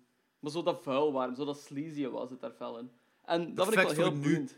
Wat Ik zit hier in die- ik, perfect voor nu. Ik zit hier in die tweede kamer en ik ben hier ook keihard aan het zweten omdat de zon de hele dag op Jij zit ook wel een beetje de ondergrondse bokser van Kermt, dus... Ja, hey, dat lijkt van daar straks. Voilà, je wilt niet weten hoe dat daar is geraakt. Je hebt, je hebt die gewoon doodgeklopt, of wat? Ja, vooral omdat ik op het werk zat op dat moment. Ja, ik kan je nu wel zeggen, dat, is- dat is je alibi, alibi. Ja, ik ben even naar wc. Eigenlijk. Jordi heeft mij gebeld op het werk, dus ik kan wel bevestigen dat hij daar was. Hupsa! Voilà. Hey. Hey. Eh, alleszins, de film was cool als je into Japanse shit bent, denk ik. Ehm, het, is, het is niet zo'n film voor iedereen. Ehm, maar het is wel boeiend genoeg, alleszins. Het is ook zo'n beetje een cultfilm, dus Alright. als je Kijk het er is, eens. check it out. Ik ben altijd wel saai dat het zo'n cultfilm is. Ik, ik moet hem om een of andere reden gewoon gezien hebben. Ja, snap ik. Er zitten ook wel zo wat van die grellige... Ah, ja, zo wat, ehm, heel gewelddadige body horror-achtige momenten in. En dat is wel cool. Alright. Oké, Ja. klinkt cool. Danny, had jij nog gezien? Ja, ik heb ehm, The House of the Devil van Ty West gezien. Ah, nice. Ah, oké. En? Ja, dat is echt wel een heel coole film. Maar dat is... Dat, dat is laten we eerlijk zijn, dat is echt gewoon puur... De enige functie van die film is gewoon een ode zijn aan de jaren, de jaren 80, hè? Eh, ja, eind, eind jaren 70, begin jaren 80, ja. Ja, eind jaren 70, jaren 80. Ik bedoel, zelfs, Ja. zelfs de manier, waarop- volgens mij zelfs de manier ze hebben opgenomen is gewoon Ja. die technologie. Want je ziet zo die grain daar ook zo helemaal door. De grain, de zoom-ins, de camera-standpunten, Mhm. alles. Echt puur alles een hommage naar die periode van toen. Ja, ik vond een Ja. coole film. Het verhaal is ook wel cool. Ja, mega Vond je, te, vond je het te traag of niet? Want ik vind dat zo'n beetje... Ik vind dat heel... Ik, ik, ik raad die aan iedereen aan, maar langs de andere kant is het zo... Die is wel heel traag, die film. Mm, nee, ik had er heel weinig problemen mee. Ik Oké, kan dat cool. trage films wel hebben. Oké, dat is goed. Het enige wat ik zo... Ik vond zo dat grainy vond ik af en toe wel vervelend, want ik heb mijn films graag scherp. Maar anderszins, Ah, oké. anderzijds, het is ook wel de bedoeling van die film. Dus daar kan ik overheen kijken. Ik snap wel dat dat zo'n beetje een dubbel gevoel ligt dan. Ah, dat dat dubbel ligt dan, ja. Ik vind, dat, is, eh, dat, is een van, ja, dat is een van mijn favoriete films van Ty West zelf. Ja, maar het is, het is zo, de ironie daarvan zou zijn dat ehm, die, die films van de jaren 70, jaren 80, die zo tegenwoordig zouden geremasterd worden, dat ze de grain daaruit halen. Dus, Ja. maar, het is de bedoeling, dus ik ga er niet lullig over doen. Oké, cool. Eh film dat ik nog heb gezien, dat ik zeker een dikke aanrader vind, is Hush Hush, Sweet Charlotte. Eh, film uit 1964 met Betty Davis. Ehm, dat, je kunt er eigenlijk een beetje een double feature van maken eh, met Whatever Happened to Baby Jane. Hush Hush, Sweet Ah, oké. Charlotte, dat gaat over... eh, dat, dat speelt zich eerst af in de jaren... Oh, ik denk in de jaren 30 of zo, dat het zich afspeelt. Eerst, eh, een koppel is verliefd. Eh, die kerel die zijn hand wordt afgehakt. En het coole is, in die film laat ze effectief het afhakken van die hand zien. Maar zo... eh, 1964 nog niet zo heel veel... Het werd wel al gedaan, maar nog niet zo heel veel dat je dat zo expliciet ziet. Dus dat is wel cool. Ehm, en die kerel wordt dan vermoord. Eh, en dan skippen we naar zoveel jaren later. En ehm, een van de verdachten, zelfs toen was een van de verdachten, dat is dan het personage dat Betty Davis speelt, zoveel jaren later. En die, die woont in een mansion, een heel groot mansion. Eh, en dat mansion dat wordt, dat zou afgebroken worden door de overheid voor bepaalde redenen. Eh, maar er zitten mensen achter dat mansion aan. En dan is dat... Er gebeuren, er gebeuren van alle dingen, eh, waaronder... Nee, dat spoiler. Er gebeurt van alles. en Betty Davis wordt constant verdacht wel. En eh, op een bepaald moment is dat... Eigenlijk gaat het erover van... Heeft Betty Davis effectief die persoon toen vermoord? En het verhaal ontwikkelt zich daar rond. En dat is... Ja, als mensen Whatever Happened to Baby Jane hebben gezien, het is dat soort film ook. Dat soort acteerwerk. En het, is, het zou een perfecte double feature zijn. Hush, Hush, Sweet Charlotte, 1964. Goeie naam Ik vind ook. dat- Alright. ja, ik vind dat ook heel leuk. Ik vind het dikke aanrader ook. Oké, nice. Ik heb een Koreaanse film gezien van Park Chan-wook. Je Eh, bent echt zo die mail echt zo aan het, aan het bevestigen, hè? nee, die stond gewoon al langer op mijn watchlist. Ehm, en dat is Sympathy for Lady Vengeance. Heb ik gezien. Ehm, Park Chan-wook, die heeft zo... Ik heb dat nog eens gezegd. Die heeft Oldboy geregisseerd, wat een van mijn favoriete films is aller tijden. En die heeft ook The Handmaiden geregisseerd, waar ik het ook eens over heb gehad in deze podcast. En dat is zo een van mijn favoriete films van de laatste tien jaar of zo. Ehm, en die heeft zo'n eh, Vengeance-trilogie. En dat is Sympathy for Mr. Vengeance, Sympathy for Lady Vengeance en Oldboy dan. En dat gaat er basically telkens over, over mensen die vast hebben gezeten en dan wraak gaan nemen. Oké. En Sympathy for Lady Vengeance gaat over iemand die, ik denk, tien jaar of zo in het gevangen... over een vrouw. Dus die tien jaar in het gevangen heeft gezeten, ehm, omdat ze zogezegd ehm een manneke, ah, een zesjarig kind had vermoord. Ehm, maar dat is dus niet echt zo. Zij heeft zo die schuld op haar genomen. En doorheen de film ontdek je zo een beetje waarom die zo de schuld op haar heeft genomen. En ze gaat dan ook, eens uit het gevangen is, ehm, zoeken ze dan ook wraak op die mensen, waardoor zij de schuld op haar heeft genomen. Oh, dat klinkt wel cool. Ehm, dat is heel graaf. Dat is zo'n beetje... Ah, dat is gelijk Oldboy ook gewoon een beetje. Hè. Dat is hyper-violent. Ehm, heel coole... Heel goede acteerprestaties. Ook gewoon heel psychoseksueel met momenten. Ehm, heel, ja, heel goed. Ik ben gewoon een heel grote Park Chan-wook-fan, denk ik. Van de drie films die ik daarvan gezien heb. Maar er zit ook altijd zo- zo'n hele grellige, hele zware sfeer in. Ehm, en ik vind het ook absoluut aanrader. Ik vind het ook een heel coole titel. Sympathy for Lady Vengeance. Dat, is, dat, dat klinkt precies een cello. Ja, ja, voilà, inderdaad. Ehm, Dat is wel cool. Eigenlijk, ja, je kunt dat wel, misschien wel een beetje zien als zo'n eh, Koreaanse jello, eigenlijk. Oh, vet. Ja, maar gewoon cool. veel moderner natuurlijk. Dat is de film van 2005. Dat is ook cinematografisch, is dat ook echt gewoon precies tien jaar zijn tijd vooruit, ook die film, vind ik. Dat is echt dat is prachtig gestileerde shots. Ook qua acteerprestaties, dat gewoon zo zijn tijd zo fel vooruit, vind ik. Ik ben, ja, ik ben er echt een fan van, van die. Ik ga er zo... Ik ga er meer van checken, gewoon. Want dat- klinkt heel cool. Ja, dat is ook zo de regisseur van, ehm van dinges, van Stoker, van een paar jaar geleden. Oh, oké. Stoker vind ik wel heel cool. Ja. Een en, heel eh, trage film wel. Ja, Stoker. ja. Die zijn, de meeste van deze films zijn wel vrij traag eigenlijk. Deze heeft ook zo wel een lange setup. The Handmaiden was zo'n film van drie uur, maar uiteindelijk was die ook fantastisch. Oldboy is ook zo niet de snelste film, I guess. Maar je moet, ja, je moet er wel voor zijn, maar ik kan die shit echt wel aanraden. Dat is echt zo, geldt zo voldoening als je zo die films hebt uitgekeken. Omdat gewoon die climax altijd zo indrukwekkend is. En ook hierbij. Echt graaf. Oké, cool. Sympathy of Lady Vengeance, hè? Sympathy for Lady Vengeance. Ah, Sympathy for Lady Vengeance. Oké, ça va. Cool, klinkt cool. Als je een Oldboy-fan bent, moet je deze ook sowieso checken. Dan gaat je die sowieso Oldboy, goed Oldboy is geniaal. Voilà. Oldboy is echt geniaal. De volgende film die ik heb gezien is eh Phantasm uit 1979. Yes! Ah. En? Het is al heel lang op mijn lijstje en ik vond het echt wel een hele coole film. Oh, yes, daar ben ik heel blij om. Want dat... Ik heb je dat, denk ik, al heel vaak gevraagd. En ik ben blij dat je het eindelijk gezien hebt. Yes, oké, Mhm. cool. Die soundtrack is toch ook mega cool, hè? Ja, maar de soundtrack kende ik al. Hè. Dus, Ah, ja, eh, oké. maar dat is, eh, ja, ik vind het cool om die soundtrack eindelijk eens te kunnen plaatsen in de film zelf. Dat is Ja, altijd zo. snap ik, ja. Ja. Dat is Maar cool. Echt wel heel cool. Heel cool. Eh, Ik kende het verhaal ook niet. Dus dat was wel, is wel een serieuze... Mindfuck? Ja, dat is wel een serieuze mindfuck. Zeker, te- zeker tegen het einde, als zo de hele clue eh, gereveeld wordt van wat dat er allemaal aan de hand is. Want die is eigenlijk je, weet, je hebt eigenlijk geen flauw idee wat er aan de hand is, totdat effectief ja, het einde, dat ze het uitleggen. Ja, en dan gaat je die sequels kijken en dan snap je er weer niks van. dat is echt... Ja, die ga ik er binnenkort eens doorjagen. Dat is goed. Ik wil, ik wil ergens met de podcast doen, zo. Van, maar als je die nu gaat erdoor jagen, zullen we nog wel even wachten. Eh, maar ik wil die echt wel eens... eh, heel die franchise... Dat zijn vijf films, hè.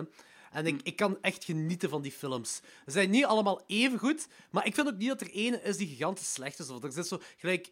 Oké, Halloween en Texas Chainsaw Massacre zijn wel langere franchises, maar die hebben zowel een paar... Of ja, Texas Chainsaw Massacre heeft zeker ene die mega slecht is, en Halloween heeft er een paar die wel vrij slecht zijn. Maar bij Phantasm zit er niks vrij slechts in, vind ik. In die, Is de eerste de beste? Eh, ik, de eerste is mijn favoriete, maar de tweede wordt zo'n algemeen als de beste beschouwd. Maar dat is zo'n beetje Evil Dead ding is, hè. Eh, de tweede Het is wel is heel vaak dat ze zo, de eerste dat zo het concept uitgestippeld wordt, en dat tweede wordt dat zo ge- geperfectioneerd soms. Ja, perfectioneerd is misschien het Ja, slechte. het, het is... Het is zo, voor- het is, Ik snap wat je bedoelt. Je hebt, je hebt, co- je hebt, ehm, je hebt feedback gekregen en heel vaak gaan ze daar aan de hand van die feedback gaan ze de dingen wat de fans willen zien meer Dat is waar. En zo. Dat is waar, maar bij Phantasm 2 hebben ze een letterlijke Evil Dead gedaan. Als in, ze hebben dat Reggie-personage, daar hebben ze een soort van Ash van de Aldi van gemaakt. Eh, eh, wat het wel grappig maakt, ja. Eh, ja. Maar het is, een ding, maar het is wel... Ik, ik, vind, het, ik vind het een coole franchise. Want ik, ben, ik ben heel blij dat je mee zit met die eerste film. Ik vind het echt een cultfilm ook. Ehm, wat ik nog heb gezien is... ik heb zo... om een of andere reden ben ik begonnen aan van die satanistische films uit de jaren 70. En het ding met die satanistische films uit de jaren 70 is... Zo die onbekendere... Ik denk dat die ook om een reden onbekender zijn, want die zijn eh, zo saai. Ik heb zo ene gezien, The Brotherhood of Satan. Nu, die was wel even op mijn watchlist. Eh, dat gaat, The Brotherhood of Satan, wat ook wel een coole naam is. En eh dat gaat eigenlijk over dat een gezin zit, wordt vastgehouden in een verlaten dorpje door een, ja, een bejaarde cult. Allemaal oude mensen die in een of andere cult zitten. Ehm, en eh, die hebben kinderen nodig voor ehm, eh, Satan te eren. Daar komt het zo op neer.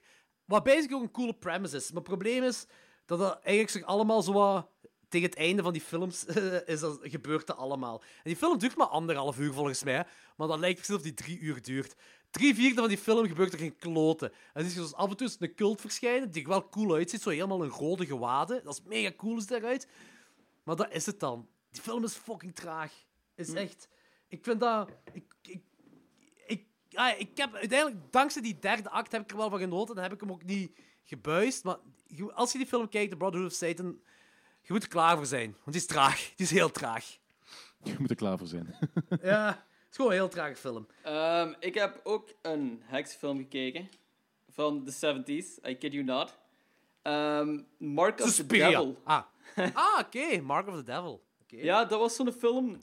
ehm, vroeger toen ik in het middelbaar zat, was dat zo'n film waarmee we zo wel wat lachten. Omdat er zo'n beetje in geoveract werd, herinnerde ik mij. En dat was zo'n film dat we toen wel zo eens vaker keken als we bij kameraden thuis waren aan het hangen. Ik weet niet hoe we daarbij kwamen, maar dat was zo de film die we wel vaker zagen.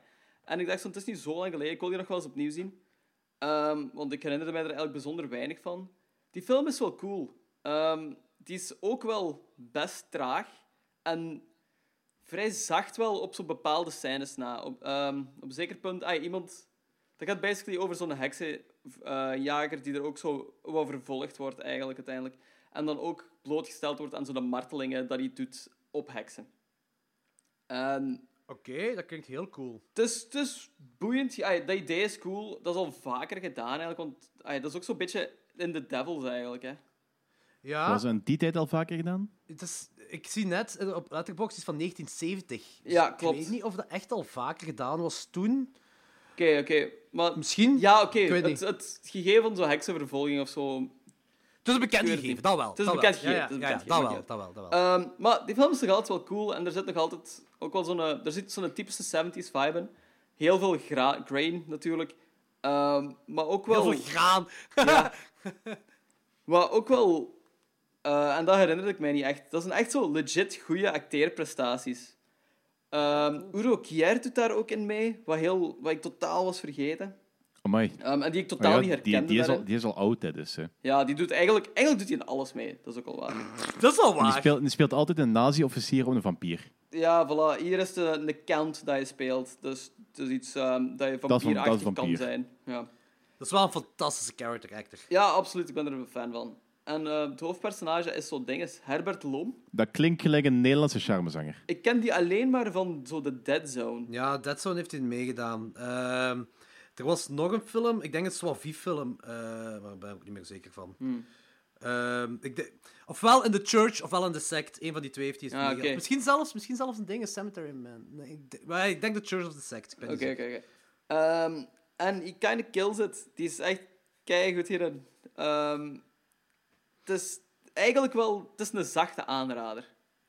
Als je zoals die, weet wat kijken of zo, aanrader. check Mark of the Devil. Want dat is een film die zie ik wel zo vaker terug naar boven komen ook de laatste tijd. Ik ben mee, jong. Eh heksenfilm uit de jaren 70, ik ben mee. Dus, Ja, eh. Goed. eh, en Danny?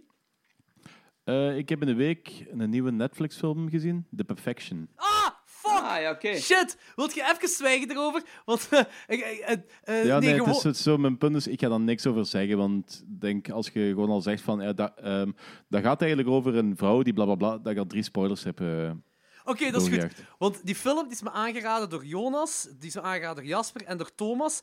Eh, en Thomas zegt van, je zou er eigenlijk een podcastaflevering over moeten doen, er valt heel veel over te vertellen.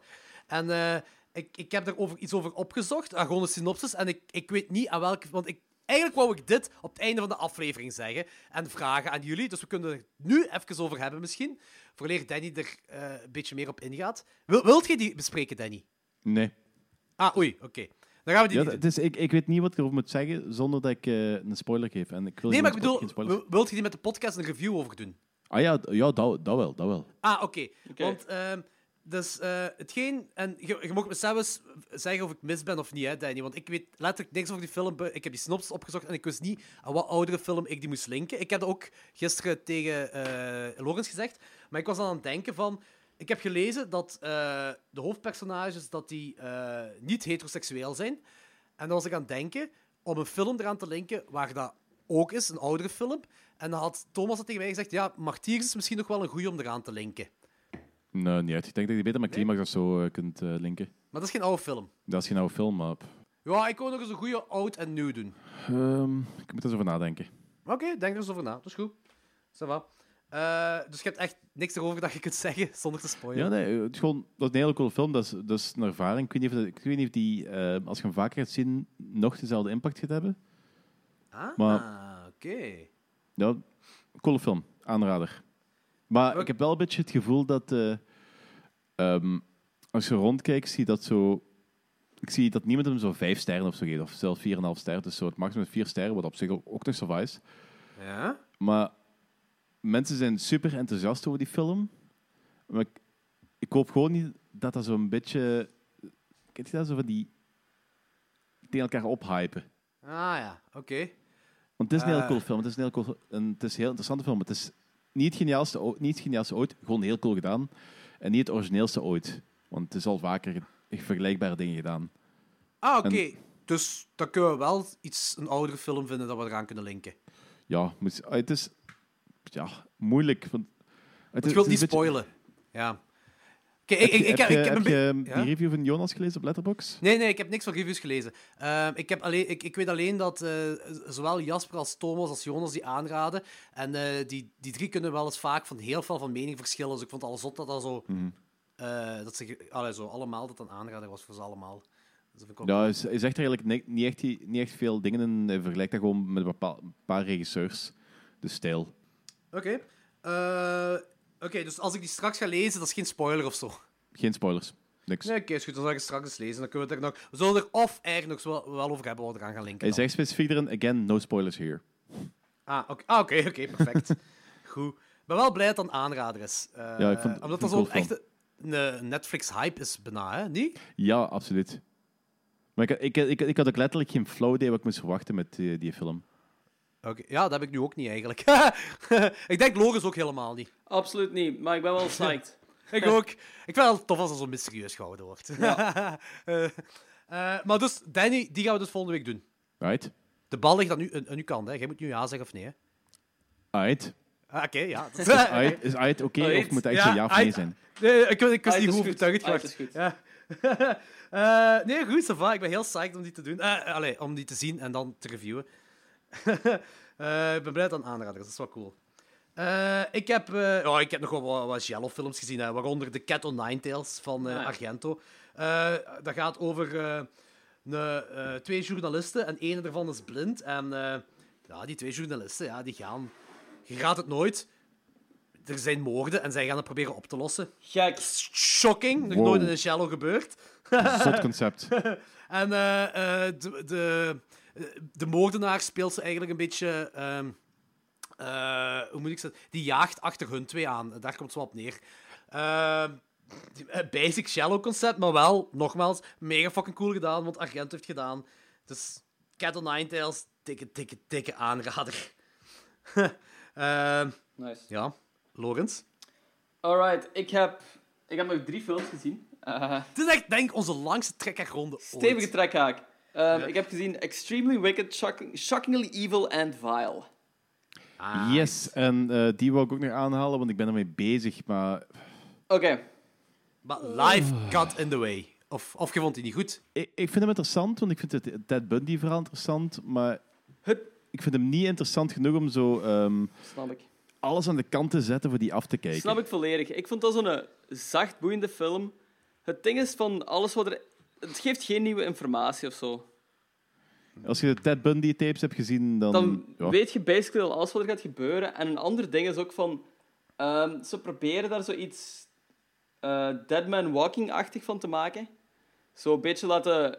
Proberen laten meeleven met, zo, eh, met Ted Bundy. Om dan uiteindelijk te laten zien van... Ah nee, he killed a bunch of people.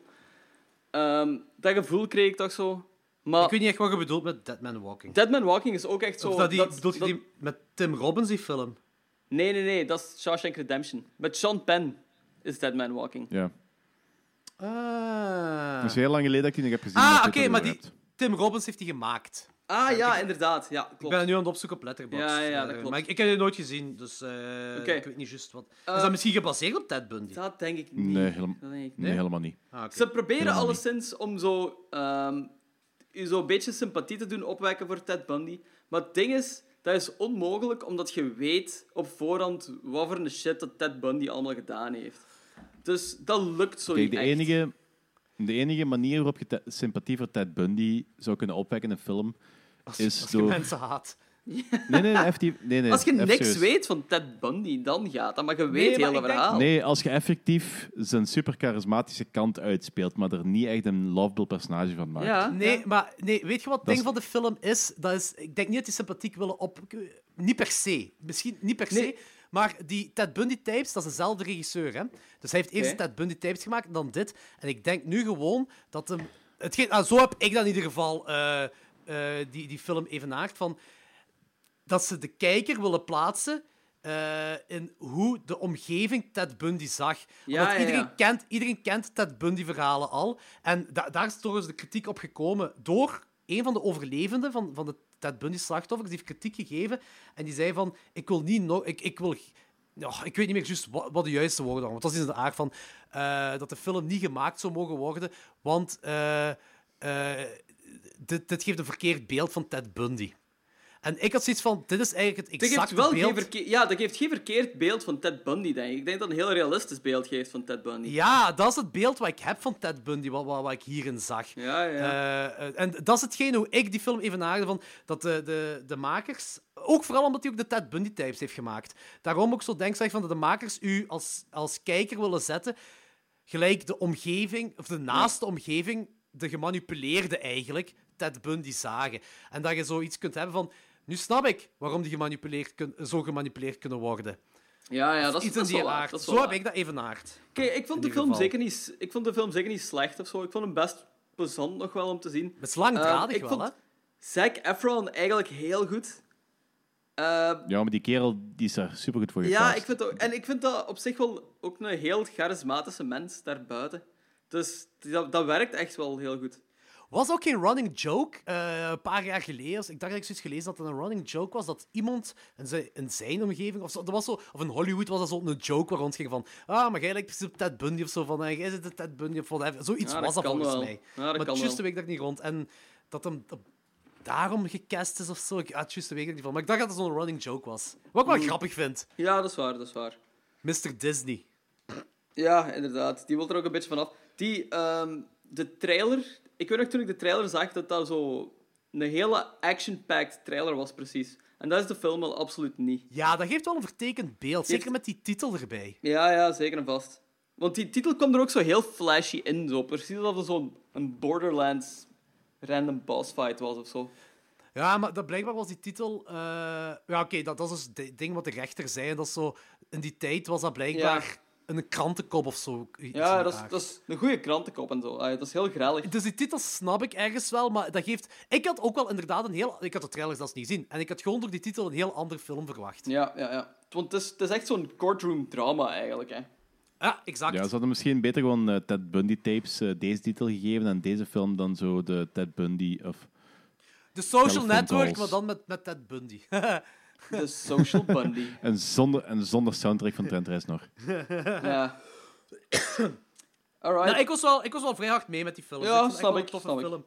En eh, ik, vond- ik Ik heb het tegen volgende week wel afgezien. Oké, cool. Jordi? Ah ja, oké. Ja. Eh, Jullie waren even weggevallen, maar het is oké, precies. Nee, nee, jij Ik was weg. even weggevallen, maar jullie... Het was oké, precies. Het volgende dat ik gezien heb is eh, Singapore Sling. Ja, Oh, boy. daar ben ik heel benieuwd Dat klinkt naar. gelijk een seksspeeltje. Ja, dat was het ook. Allee, ja, nee, ja, het was een beetje... Oh, ik weet... Oké, ik die film heb ik effectief gezien omdat ik ooit eens eh, Jonas Schovaerts erover heb horen praten op een Moslim half 2 aflevering. En toen zei hij zo van... Ja, eh, ik denk dat Xander is in de aard vroeg van, kun je film aanraden? En zei van... Ja, ik heb juist een van de vreemdste films ooit gezien, Singapore Sling. Ehm, ik kan, ik, dat is een film dat ik een soort film, zoiets heb ik nog nooit in mijn leven gezien. Ehm, en hij begon zo dingen op te noemen als een incest en, en, en nog van alles. En ik zei, oh ja, incest, tof, oké, dat moet ik wel zien. Dus ik ben gaan kijken. Sold Eh, at incest. een beetje, ja. Eh, man, die film, hè, dat is echt zo een mix tussen Griekse drama, Slaughter Vomit Dolls en... Ja, eh, juist geen harde porno. Als in, je ziet wel expliciete dingen, gelijk masturbatie en, en zo, maar het is, het is zo een beetje, zeker in deze tijd, een beetje misschien norm- Als je bij Zimo hebt gezien, is dit een beetje softe porno, zal ik het zo zeggen. Ehm, tot het zo... Ja, echt zo'n paar maanden begint hij op die te spouwen en zo. Het is, het is, een, het is een heel, heel raar ding. Ik kan, ik kan het eigenlijk... Ja, ik hoorde al. Ik moet dat niet zien. Ja. Ja, oh, misschien wel. Het is boeiender als Slaughter Vomit Dolls, nee, hoop ik. D- Dat hoop ik ook. Ik heb Slaughter Vomit Dolls nooit gezien. Ik weet gewoon... Nee, ding is gewoon ik, ik weet dat er echt in gespouwd wordt. En, hetgeen ook, en ook gewoon dat dat voor shock value is. En het spouwen hier, in deze film, had ik ook zoiets. Dit is voor shock value. Eh, want het is ook een heel arthouse film. Dat is ook super, super arthouse. Ehm en ik dacht ook van, dit is ook voor shock value gedaan. Eh, maar het ding wat gewoon was, van, ik, ik wist niet of dat echt spouw was, of dat dat fake was. Het leek heel, heel echt. En als het fake was, moet ik wel zeggen, chapeau. Want het lijkt echt. Het lijkt echt super echt.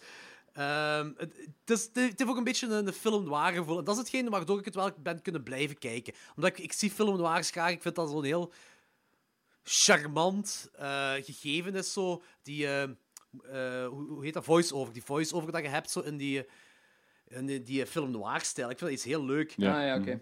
Ehm, maar de inhoud is raar.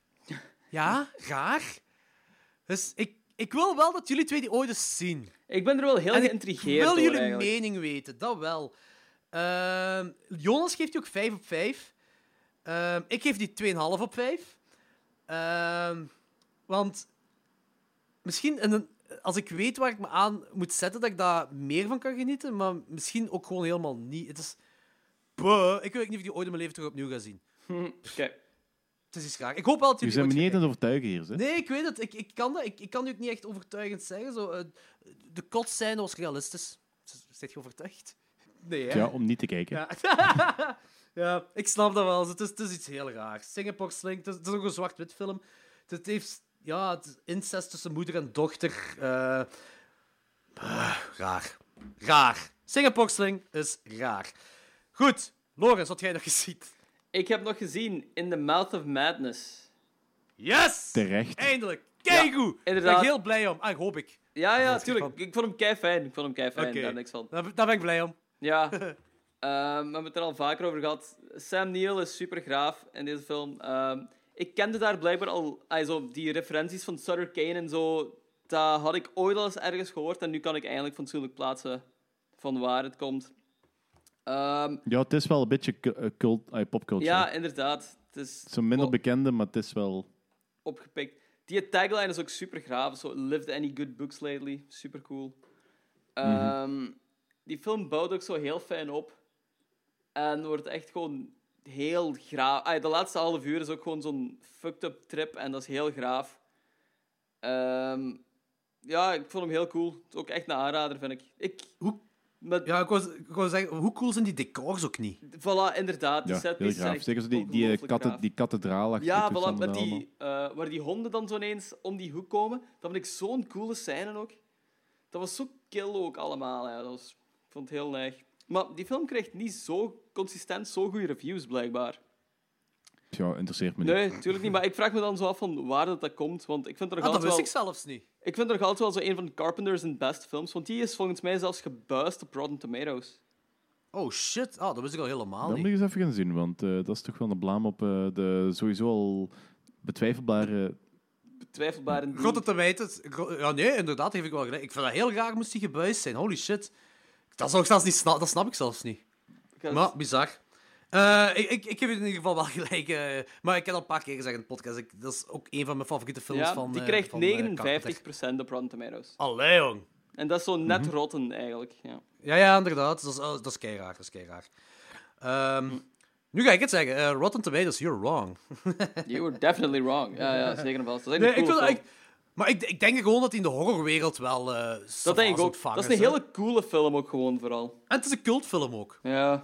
Roger Ebert heeft hem afgekraakt. Ja, maar dus, Roger eh, Ebert is ook gewoon een lul. Allee, Allee dat is... Dat One wonders how in the mouth of madness might have turned Ja, out if the script Roger had Ebert is contained gewoon- even a little more wit and ambition. dat is misschien wel een tof om mee op café te gaan of zo, maar, Ja, maar zijn die is kennis van horror is... Zelfs Geen horrorfan Zelfs gewoon, ja. Danny is er vorige week nog mee op café gegaan. of zo. Ja, sowieso.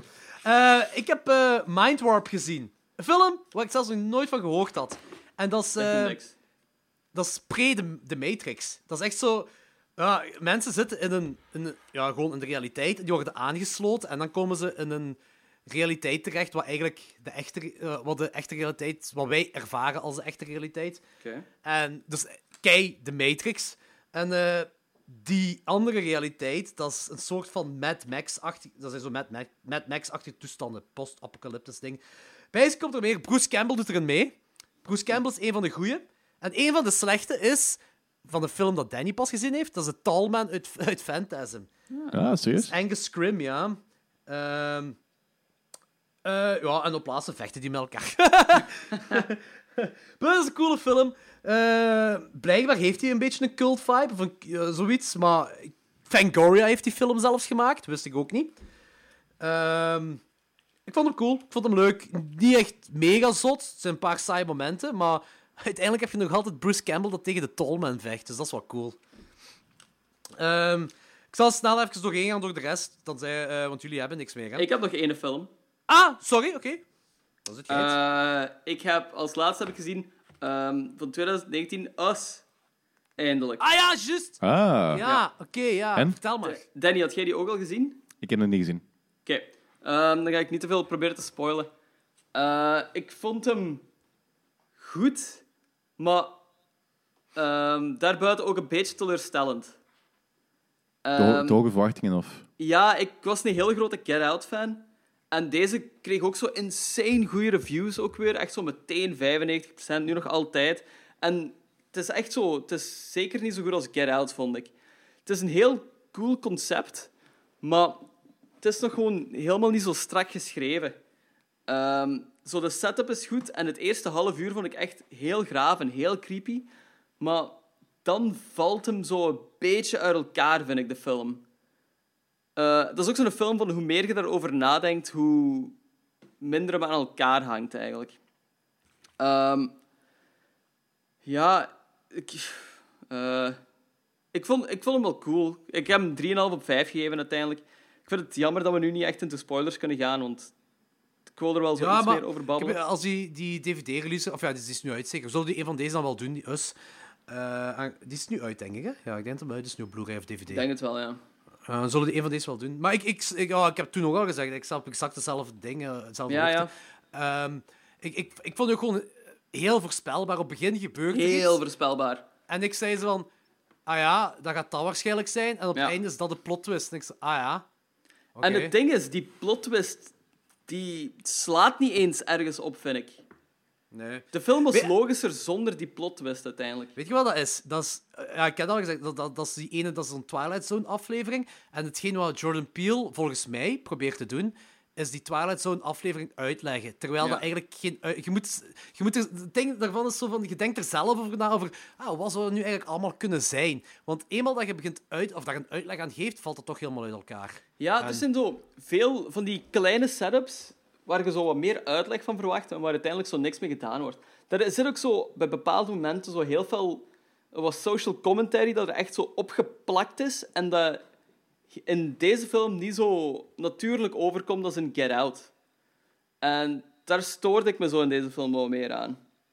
Ehm, Er gaat al helemaal niks voor Danny zijn, want Danny Ja, stoort zich aan de short commentary in Get Out. ja, voilà, inderdaad. Ehm, dus ik had Het is wel zo... een andere soort social commentary, dat wel. Ja, dat is, dat is waar, dat is waar. Ehm, maar ik had me gewoon...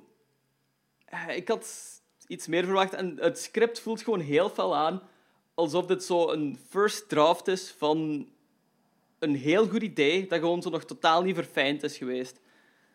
En ja, het is cool en zo wel, zo, maar ik snap, ja, ik snap dat je niet volledig mee zou zijn eigenlijk. Hetgeen wat ik het meest frappante van al vind aan deze film, is dat mensen heel uitgesproken meningen hebben. Ofwel is dat de beste film aller tijden, ofwel is dat de slechtste film Nee, aller dat, tijden. dat, is- dat slaat nergens op ook gewoon. Ik moet wel zeggen, Ja. visueel is hem wel weer heel cool geregisseerd. Ah ja, zeker. Ja, en soundtrack vind ik ook heel cool. De soundtrack was ook heel graaf. Ja, zeker Maar en het is, ook een beetje, het is ook een beetje die eh, Jordan Peele dingen die eh, polariseren heel fel. Hè. Ja, dat is, dat is waar. Dus zo mensen, mensen zijn zo geneigd om dat zo een beetje...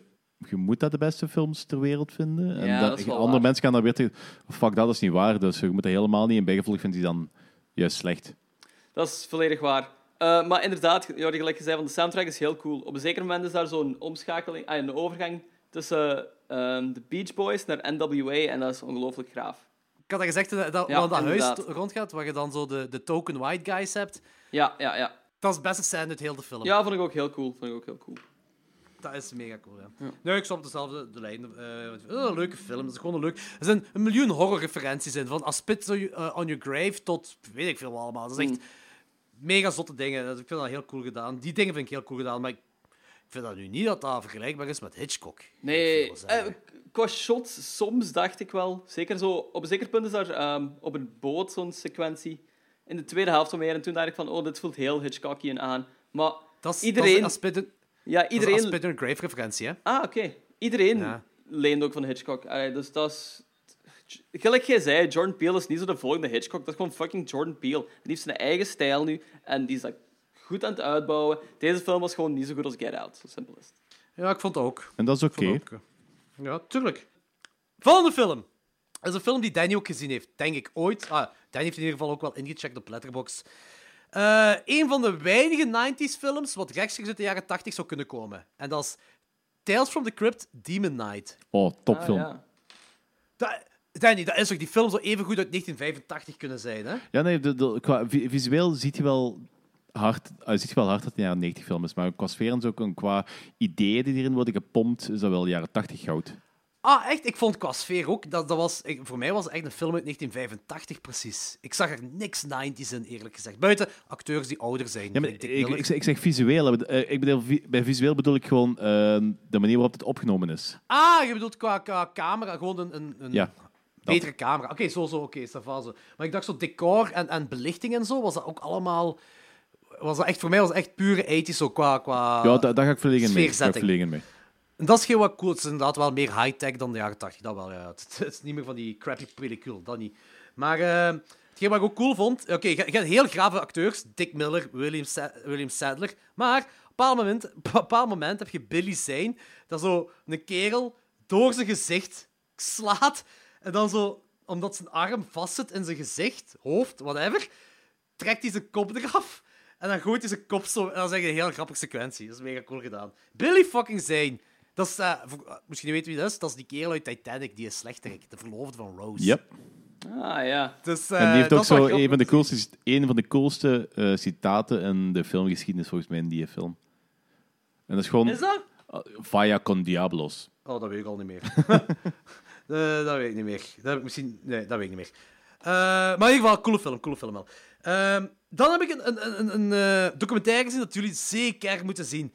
Electric Boogaloo, The Wild Untold Story of Canon Films. Ah, juist. Dat had ik zien voorbij komen, ja. Holy shit. Als je danst... Hetgeen wat, wat, wat Christian en, en Anthony altijd zeiden van... Wow, de jaren... Ah, vooral wel over, ze zeggen over Italië en de Italiaanse films. Ja, het was het Wilde West op dat moment.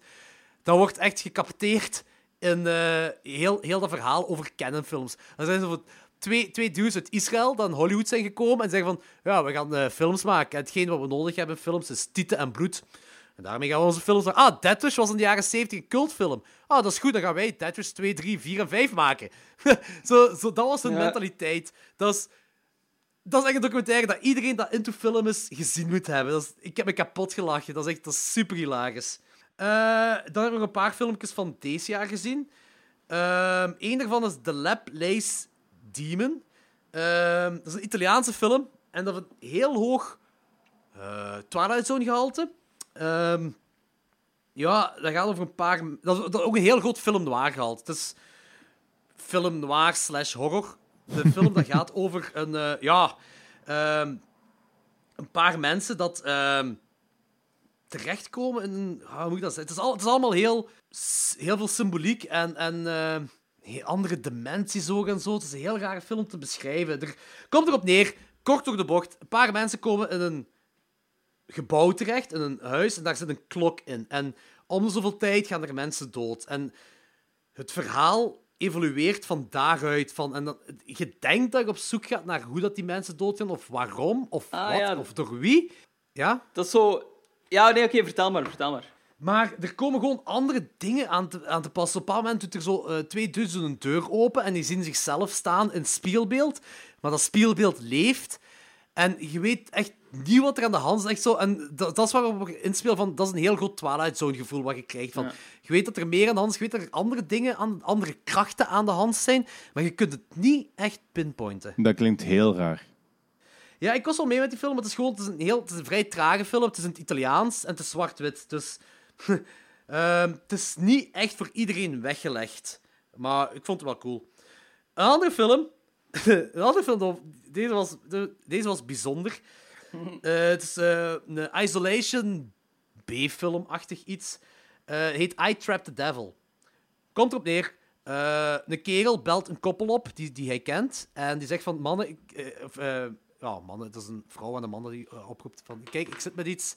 Eh, ik heb de duivel gevangen. De duivel is hier gevangen. Ik heb hem. Dat zegt hem. ja, I trapped the devil, ja. Zalig.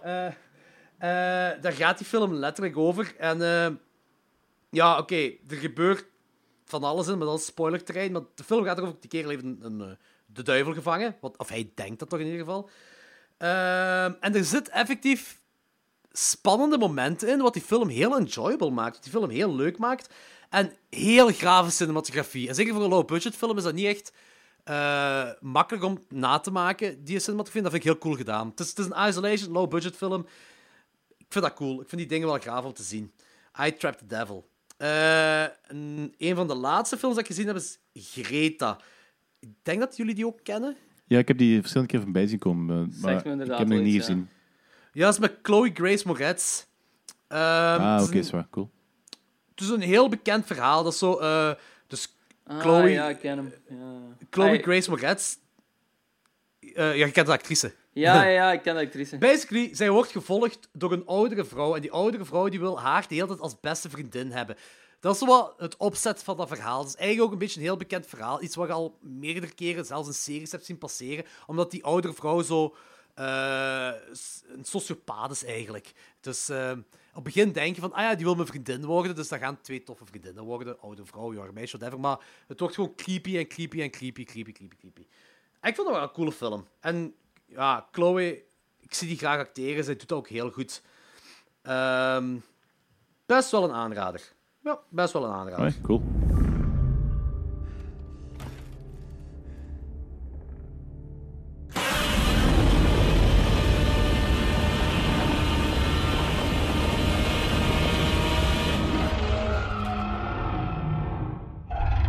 Oké, eh, dan denk ik dat we nog maar één film over hebben, Danny. Ja, we hebben nog maar één film over, denk ik, Jody. Ik denk het wel, hè, Logans. Eh, gaat het over Godzilla? Want die heb ik nog niet gezien, hè, mannetjes. Nee, ik weet het. Maar ik wou het gewoon heel even hebben met Danny. Ja, erover. ja, tuurlijk. Eh, eh, maar zonder spoilers, zonder spoilers. Oké, good, good. Danny, wat denk je? Ja, eh, ik heb het al, ik heb mijn mening al heel duidelijk op het internet eh, gespouwd. Eh, ik, ben, ik, ben, ik ben volledig mee. Ik vond dat een hele coole film. En ik weet dat, dat, dat die niet perfect is, dat dat gewoon een Hollywood eh, fuckfest is. Maar dit is alles wat ik eigenlijk in de eerste Godzilla had willen zien. Dus veel meer monster action. Het is echt weer heel erg indrukwekkend wat dat, hoe dat die beesten eruit zien. Hoe dat die zo met elkaar ehm, ja, ehm, Omgaan. ja, om- Interacten. omgaan, intera- interageren, ja.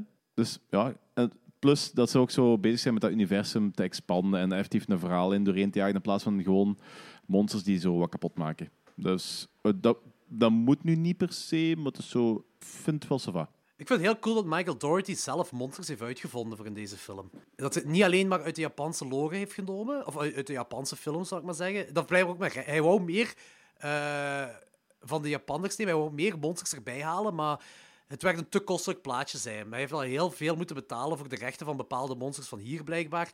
En, eh, en toen heeft hij besloten om zelf een paar monsters te maken, om het universum uit te breiden. Eh, nee, maar hetgeen, hetgeen wat ik het, het kutste aan de film vond, is dat ik vond die opzet op het begin vond ik mega... Ik ga, ik het helemaal niet spoilen. Ik ga het echt zonder spoiler zeggen. En de mensen die de film gezien hebben, zullen wel weten wat ik bedoel.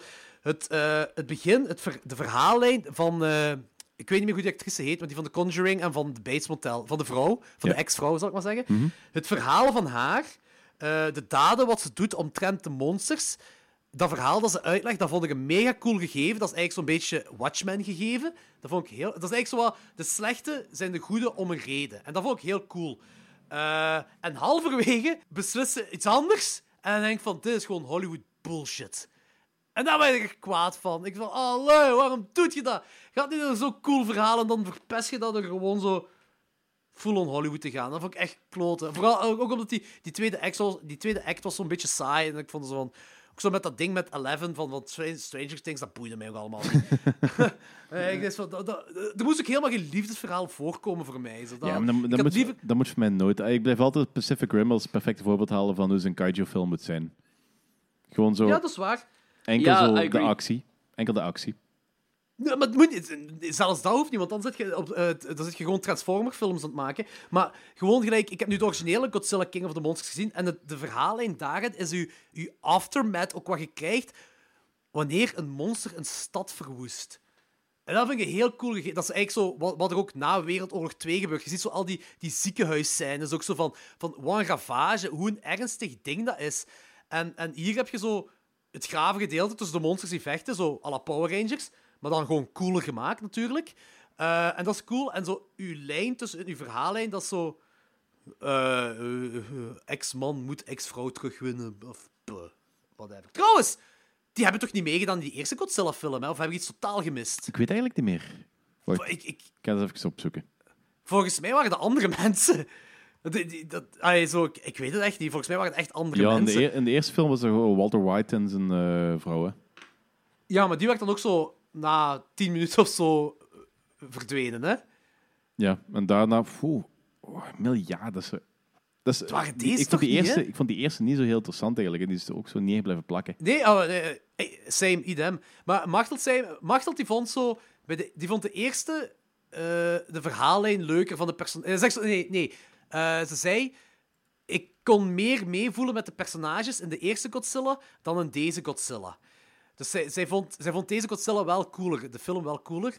Ehm, ik probeer nu een beetje te kadreren voor Logans ook van wat hij ervan zou vinden. Want ik, ik weet dat jij vond Godzilla wel leuk, hè? Die 2014-versie. Ja, ik vond Godzilla op zich fijn. Ik vond Kong slecht. Maar ik vond Pacific Ja. Rim vond ik ook wel heel goed. Dus ik kan zelfs wel moeilijk plaatsen wat ik ervan ga vinden.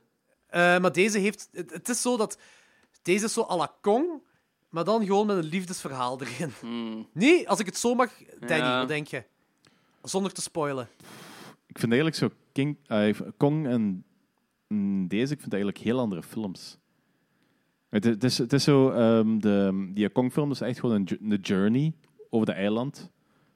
Dat ze zo met de Ja. gevaren worden geconfronteerd. En dit is echt gewoon een film die zich op een globale rampenfilm. Ja, oké, dat is wel waar. Maar ik bedoel zo... ehm, het draait om het monster. Ja, dat wel. En het draait, het draait niet om die personages. En de, eh, en de personages dat je hierin hebt, want ze hebben daar een, een, een liefdesding in gezet. Ja, dat, dat is gewoon een liefdesromantisch ding wat ze erin hebben gezet. En Ja, en dat had niet kind erbij. Nee, nee, zeker niet. Maar het, de opzet was wel cool. Ah, Ik vond het toch niet? De opzet van die vrouw op het begin. De daden waarom ze het doet met eh eh, Tywin Lannister. Ja, absoluut. Ja, ik, vind het altijd, ik vind het altijd heel interessant wat dat zo drijft van mensen om zo... Ja. Ik had gewoon gehoopt dat ze echt wel zo meer als een... eh, van, kijk, je hebt monsters die tegen elkaar vechten en dan laat een ravage achter. En in de Japanse films laten ze echt wel zo... Zetten ze daar nadruk op. Echt zo'n heel verhaallijn over van hoe fel dat kan... eh, een, een mensenleven kan doen veranderen. Zoiets gelijk een wereldoorlog een mensenleven kan doen veranderen. En dat heb je hier totaal niet. Dit is zo, zo gelijk de Power Rangers zo Ja. eh, van monsters vechten met elkaar. En dat is gaaf, hè? Don't get me wrong, hè? dat is mega cool. Dit is trouwens ook de coolste Godzilla caught on camera, vind ik. Holy shit, die is zo goed gedesigned. En de gevechten, de gevechten zelf zijn 100% on point als je mee zit met de, met de oude kaiju-films. Tot op de soundtrack toe. Er is heel fel over nagedacht. Dat vind ik heel cool. Dat dat zo gedetailleerd is tot op de soundtrack toe. Ah, mega cool. En, en er is wel één verhaallijn waar ik eh, eh, een beetje emotioneel mee werd. Dat is van die Japanner. Oh ja, inderdaad. Dat was, dat was heel cool gedaan. Ik heb vandaag zelfs nog gelezen dat zo... Dorothy zei van... Er is altijd één ding geweest waar ik altijd in Godzilla-films heb gezien wat er nooit in heeft gestoken. En die heeft hem nu dat er nooit in heeft gezeten en die heeft hem er zelf ingestoken. En dat is dat. Ja, dat, is heel, dat vind ik ook heel cool. Voor de rest, eh, het is een beetje een Michael Bay-film, precies. Eh, en dat is hetgeen waar, het, waar ik het minder vind. Ja, ik kan Michael Bay-films hebben. Niet altijd, maar regelmatig wel. Ja, snap ik ook. Eh, ik vind de rock cool. Ja, dat is cool. Ik, ik hou van spektakelfilms als, als, ze- als die zo effectief gewoon deliveren. ja, ik, ik, ik meestal niet, maar Godzilla vond ik wel cool. Ah, Go- Godzilla 2, King of the Monsters, dat zal ik zeggen. Ja, maar ik vond het echt cool. Ik vond... eh, al- alleen, vond jij ook niet dat eh eh, Ghidorah die zo slecht CGI was? Toch met momenten. Momenten was echt zo zo... de, ik heb er pas over nagedacht na- nadat je dat gisteren zei, maar dat is zo... Ik vind dat inderdaad de minste. Zeker, eh, zeker als je zo door... eh, zeker als je zo achter dat glas ziet en zo. Dat, dan ziet er echt wel heel erg. CGI uit. Maar ik vind die nog altijd indrukwekkend genoeg om me daar niet al te hard aan te storen. Ja, met mij haalde dat er zo uit. Dat was, dat echt jammer, omdat dat ook zo met momenten was. Het was niet altijd, maar zo met momenten. En dat was echt zo van, hè? Dat was zo raar. Maar ik vond, ik vond Motra vond ik heel cool gedesigned. Dat was ook Ja, die een was, die was heel mooi. Maar- Die is heel mooi. Ja, voilà, die was heel mooi. Het was precies een elfje. Dat was echt heel cool. Eh, in ieder geval, ik vond dat ook een aanrader, Godzilla 2. Eh, ja, ik vond het cool. Ik, ik geef die 3,5 sterren op 5. Ik vond die echt cool. Ik, vond dat, ik was echt hard mee. Ik ben ook psyched om, om eh, er eh, doorheen te gaan eh, met Anthony als King Kong versus Godzilla uit. Ja, heel graag. Heel hard mee. Goed, Paul, dit was de langste trekkerronde dat we ooit in ons leven gedaan hebben. Echt, man. Ik Dan kunnen we nu beginnen aan de films. En volgende week heb ik terug niks, ik zeg het maar. Paul, tijd voor de allereerste feature review van de avond. En we zijn bijna twee uur verder. Eh Dog Soldiers uit 2002. Eh, Mijn part kunnen we de- er heel snel doorheen. Ja, er valt heel weinig over te vertellen. Eh, ik, ik, heb wel, ik heb wel iets erover te vertellen. Ehm, maar eerst, eh, wie doet er mee? Ah ja, dus trouwens, dus, zoals we eerder zeiden, een paar uur geleden, het is een eh, soort van Neil Marshall spotlight. Het is ook de debuutfilm van Neil, Neil Marshall zelf. En blijkbaar gaat hij een film maken in de toekomst en dat heet Skull Island, dubbelpunt, Blood of the Kong. Eh, ja, en dan staat er rumored achter. Ja, oké. dus, de, eh, dus een gerucht dat hij nog een Kong-film zou maken. Swat. In, eh, dat, mo- in dat Monsterverse of... Ja, dat weet ik dus niet. Ik weet niet of dat met de Monsterverse te maken heeft. Ehm, eh, Sean Pertwee speelt Sergeant Har- Harry G. Wells. Die doet een eh, Event Horizon mee. En hij speelt blijkbaar Alfred in de Gotham-serie. Ja, inderdaad. Dat is eh heel cool acteur. Kevin McKidd is Private Cooper. En dat is Tommy van Trainspotting. Die heroïne-junkie. Allee, een van Ah, die ja. Diegene die op zo'n vuile matras slaapt. Ja, ja, ja. Sick Boy. Eh Sick... Nee, nee, niet Sick Boy. Ah nee, Sick dat is die de andere die... Ja, oké, nee, ik weet wie dan. Ook een blonde, ook Ja. blonde wel. Ja, ja, ja. Eh, en eh, ja, de bekendste van allemaal, Liam Cunningham, is Captain Ryan. Ehm Seaworth in Game of Thrones. Tagline: A bitch of a werewolf movie. Ik denk dat dit positieve tagline is en ik denk dat Danny daar ook over denkt, maar de negatieve versie. Wat, Deze was, film- was de tagline ook alweer? A bitch of a werewolf movie. Ah ja, dat. Ja, ja. Nee, het, het ding is gewoon zo, Dog Soldiers... Oké, dus eh, deze werd gevraagd door Fokker om te doen. Dog Soldiers, The Descent en dan de nieuwe Hellboy. Dog Soldiers, regiedebuut van, van hem, van Neil Marshall. En ik heb die toen effectief in de tijd gezien. En Was dat debuut, deze? Oké. dit is zijn debuut, ja. En we zullen straks wel even een spoilerterrein gaan. eh, maar even zonder spoilers. Ik, ik herinner me die als coole film. Ik herinnerde mij echt ook alleen maar de weerwolfstukken. Maar ik herinnerde mij niet dat die zo fel dragde. Die dragged heel fel, ja. Dat had ik ook totaal niet verwacht, eigenlijk. Want Ik herinner me dat ook ik, zo niet. ik heb ook zo het gevoel dat hij de eerste 20 minuten best nog een oké tempo heeft. En dan gewoon zo compleet stilvalt. Ja, dat is Ja. ook. Dat is op het begin, gebe- op het begin, begin gebeurt van alles. En Ja. ja, daarna Wel, er wordt een niet koppel meer. opgefret. Er was zo'n koppel opgefret. Ja, en de voilà. soldaten verhalen vertellen aan een kampvuur. En bam, dode koe. Hey, buh. Ik, ik, holy shit, wat is hier aan de hand? Ja, Mega cool. En die personages worden zo voorgesteld. En dat vind ik best charmante personages ook allemaal. En ik vond de accent wel graaf van die mensen en zo. Dus ik was er wel mee mee, de eerste 20 minuten. Ja, en er, er gebeurt zo af en toe wel iets zo... eh, ik, ah, die worden achtervolgd, ze gaan dan dat huis in en die vinden daar... Ah, misschien moet je eens kaderen waar de film om gaat, Logans. Eh, Oké, ja, de film gaat... Er is eerst en vooral de cold open van een koppel dat is aan het kamperen in Schotland.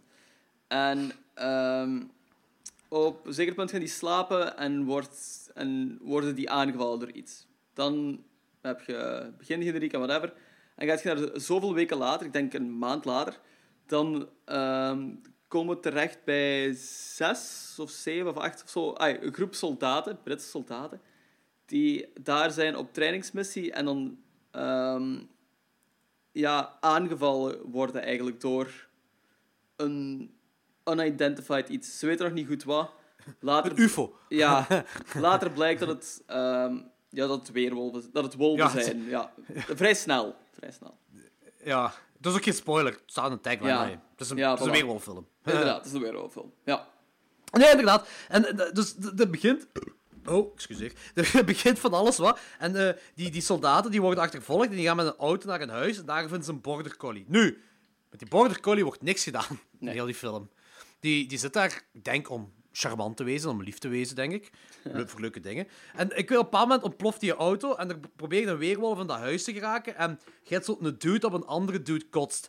Nu, die dingen zijn cool. Of, of je hebt ook zo'n gewonde soldaat dat zo die andere kapot slaat. En dat is, dat is gewelddadig, dat is gaaf. En, maar dat is op zo'n lange tijdspan... Of dat, misschien duurt dat niet zo heel lang, maar dat, dat lijkt lang te duren. Dat voelt lang aan. Ja, Om een of agree. andere reden. Ik weet ook niet waarom dat is.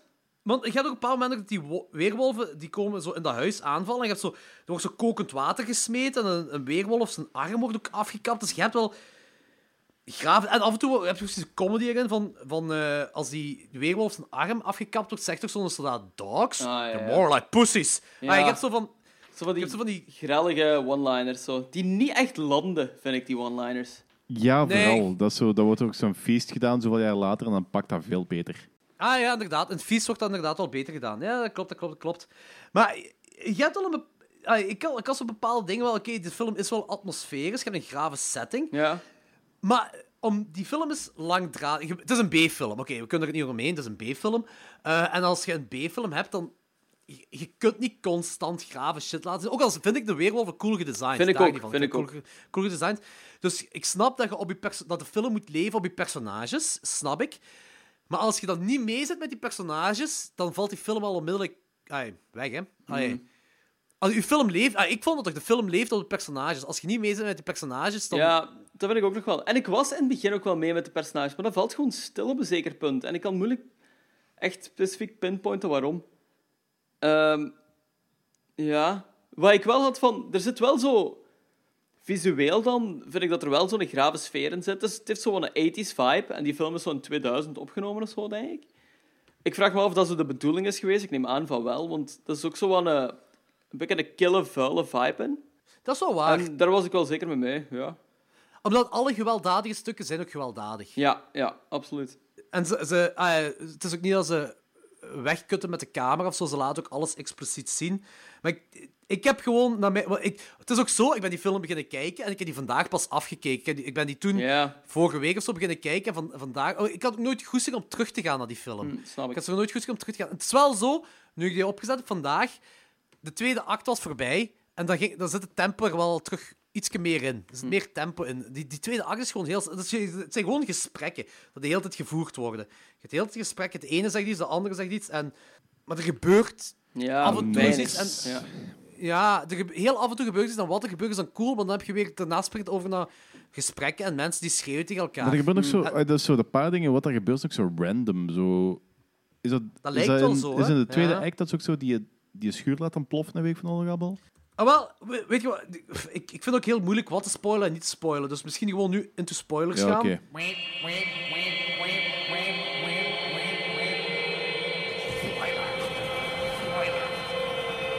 Staat een schuur in brand.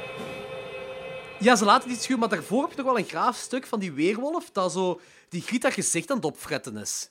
Dat vond ik wel cool. Ja. Zo'n weerwolf is die, die Griet haar gezicht aan het opfretten en dan onthoofdt hij die Griet en dan gooit hij die Griet naar die eh vooruit van die kerel. En die kerel wordt dan ook in die auto afgemaakt. En dat vind ik cool. En eh, dan heb je zo Ryan, ah, die, die van Game of Thrones dan, die eh, vertelt toch daar dat hem... Ik weet niet door de overheid is hem gezonden, denk ik. De overheid heeft hem naar daar gestuurd om een live weerwolf te vangen. Ik dacht dat het de overheid was. En op zich vind ik dat wel een cool gegeven. De overheid wil een weerwolf hebben. Oké, dat vind ik wel cool, maar het duurt lang vooraleer we daar komen. Vooraleer we echt weten wat er gebeurt. Maar ik, denk dat dat zo'n beetje als plot twist erin gedaan wordt. En ik had gewoon zoiets van... Ah, nu gebeurt er iets interessants met het verhaal. Eindelijk. Ai, of ja, ik weet niet. Het, duurde mij een beetje te lang. En die verandert dan ook in een weerwolf. En nu weet ik niet zeker. Op een moment, dus die verandert in een weerwolf. En zo'n kerel die stok neemt, die gooit die weg. En zegt zo, fetch. Wat zo'n super lame joke is. Maar is hij echt daardoor het bos in gevlucht?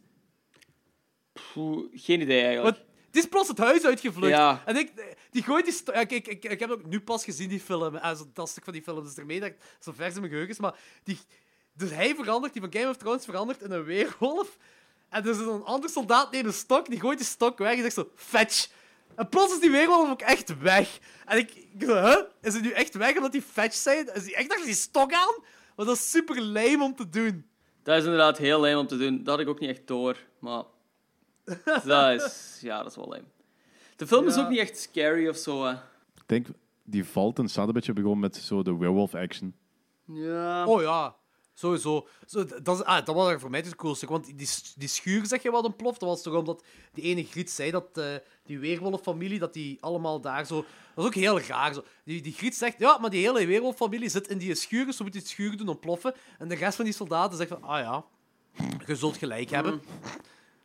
Oké, dus ze laten die... En dan heb je een heel grave actiescène wel, van dat ze daar die brandsporen maken en die schuur ontploft. En ze laten à la Michael Bay zeven keer diezelfde ontploffing zien in verschillende standpunten. Hey, het moet gezien worden, het moet gezien worden. Hè. Dat is gewoon een money shot, duidelijk. Eh, en dan blijkt dat zij zelf de weerwolf is en die hele familie weerwolven zit Ja. boven. Dat is... dat wo- ja, het is misschien een beetje makkelijk geschreven wel. Ja, maar dat is wel, agreed. dat is wel wanneer die film terug op tempo kwam. En toen begon ik die film wel terug interessanter te vinden. want, ai, en dat is denk ik maar de laatste tien minuten of zo. Ja. Je hebt die, die Wells en die Cooper-kerel die dat overleven, die, die aanval. Allee, ik weet ook alleen maar omdat plots zoeken ze achter Spoon, ook een heel rare naam voor een kerel, Spoon, en dan halen ze een horloge zo uit bloed. Zo van, ah, I- I think he's gone. Ik zei, ah ja, oké. Dus je hebt die twee die overblijven en... en Kijk, ik vind het wel een cool ding, want die kerel is gewond en die weet dat hij weerwolf gaat worden, dus die zegt tegen die andere van... Gaat jij die kelder in en die laat zichzelf... Dat vind ik wel een cool manier om zelfmoord te plegen. Gewoon heel het huis laten ontploffen met jezelf erbij. Dat zijn die dingen, die puntjes waarbij de film terug tempo begon te krijgen voor mij. Ja, ik heb ook... ai, ik vond hem ook niet verschrikkelijk of zo. Ik heb hem op bepaalde momenten ook wel effectief geamuseerd. Ik vond de weerwolven er wel cool uitzien. Die transformaties waren wel cool. Het einde vond ik ook nog wel plezant. Zodat die... eh, dus die, die kerel zit dan in die kelder, de, de huis is ontploft, en in die kelder zat nog een weerwolf. Ik vond het wel cool. Ah, ik vond ook, gelijk, ik, gelijk gezegd, ik vond het ook cool. Eh, en die schiet die weerwolf dan ook zo... hij- dat is ook wel een shot dat hij zo die weerwolf kapot schiet, maar zo recht in de camera zo, hè. Ja, ja, ja. Dan zo die bloedsplatter op de camera, dan heb je zo de zonsopgang, en hij kan samen met de border collie naar buiten gaan. Dat is toch schoon? Dat is toch een... eh, ja. Maar het is Ja, gewoon zo... Het is niet zo'n uitgesproken film, gelijk ik verwacht had, eigenlijk. Is, ik vond het echt zo'n hele... Ja, die is fijn. That's it. Ik denk dat het wel cool regiedebuut is, omdat die weerwolven en zo... Daar is wel over nagedacht, dat ziet er cool uit. Maar ik kan er gewoon niet meer over zeggen, denk ik. Ik kan dan moeilijk ook zo zeggen van... Die film is echt een aanrader, of dat moet je gezien hebben. Nee, dat was gewoon... Dat was een film. Eh, en die momenten plezant was en voor het groot deel saai was. That's it. Ik was, eh, toen ik de helft had gezien, was ik eerder mee met Danny dan met wat ah, gelijk die film geprofileerd is. Omdat die krijgt een vrij hoge tomatoscore. Echt zot Rotten hoog. tomatoscore, een heel hoge IMDb-score en zo. En ik herinner, ik had die dus begin jaar of midden jaren 2000 had ik die gezien. En ik herinnerde me die ook als gewoon mega cool en mega zotte sequenties. En halverwege die film, dus toen ik die voor de helft had gezien, was ik echt zo van... Joep, nee, ik, ik ben echt niet... Ik, toen was ik zelfs nog minder mee dan, dan toen ik hem helemaal gezien had. Ik, zo van, ik, ga, ik geef Danny ook gewoon gelijk van... eh, ik snap niet waarom die zo goed gereviewd is. Ik- Nee, dat snap ik ook echt niet. nu, tot op de, nu ik die helemaal gezien heb, snap ik het eigenlijk ook nog altijd niet. Dat hem zo'n hoge score krijgt. Nee, dat kan ik ook echt niet plaatsen. Ja, en ik heb erover zitten nadenken. Dan heb ik misschien een verkeerde kut gezien of zo. En er bestaat maar één kut van, dus Ja. dat is het al niet. Eh, ik vond het einde vond ik ook wel cool. Eh, het einde was terug tempo voor mij. Het einde is ook waardoor ik die film niet buis. En het begin. Eh, moest het einde niet zo van die grave, quirky dingen erin voorkomen. En ook zo een paar charmante dingen, gelijk jezelf opblazen om die andere kerel te redden. En dan die andere kerel dat zo basically eh, bijna letterlijk hand in hand met de border collie weggaat als een goed eind. En hij heeft ook fotomateriaal, wat ik ook wel cool gegeven vind, wat je dan zo tijdens die endcredits ziet, zo van al die foto's dat ze hebben kunnen trekken, dan voor bewijs dat weerwolven bestaan. Dat is trouw- trouwens begin 2000. Photoshop was nog niet zo'n ding gelijk nu. Right. Dus, eh, foto's waren de waarheid op dat moment.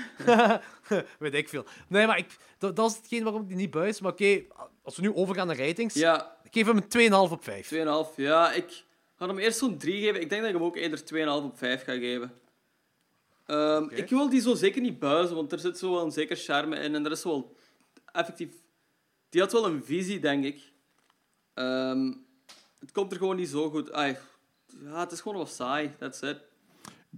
Ik denk dat iedereen op zich wel een visie heeft met de film dat hij of zij wil maken, maar het is gewoon, wel sommige waar. visies zijn gewoon crap. Um, voor, Ja. mij is, voor mij is het crap.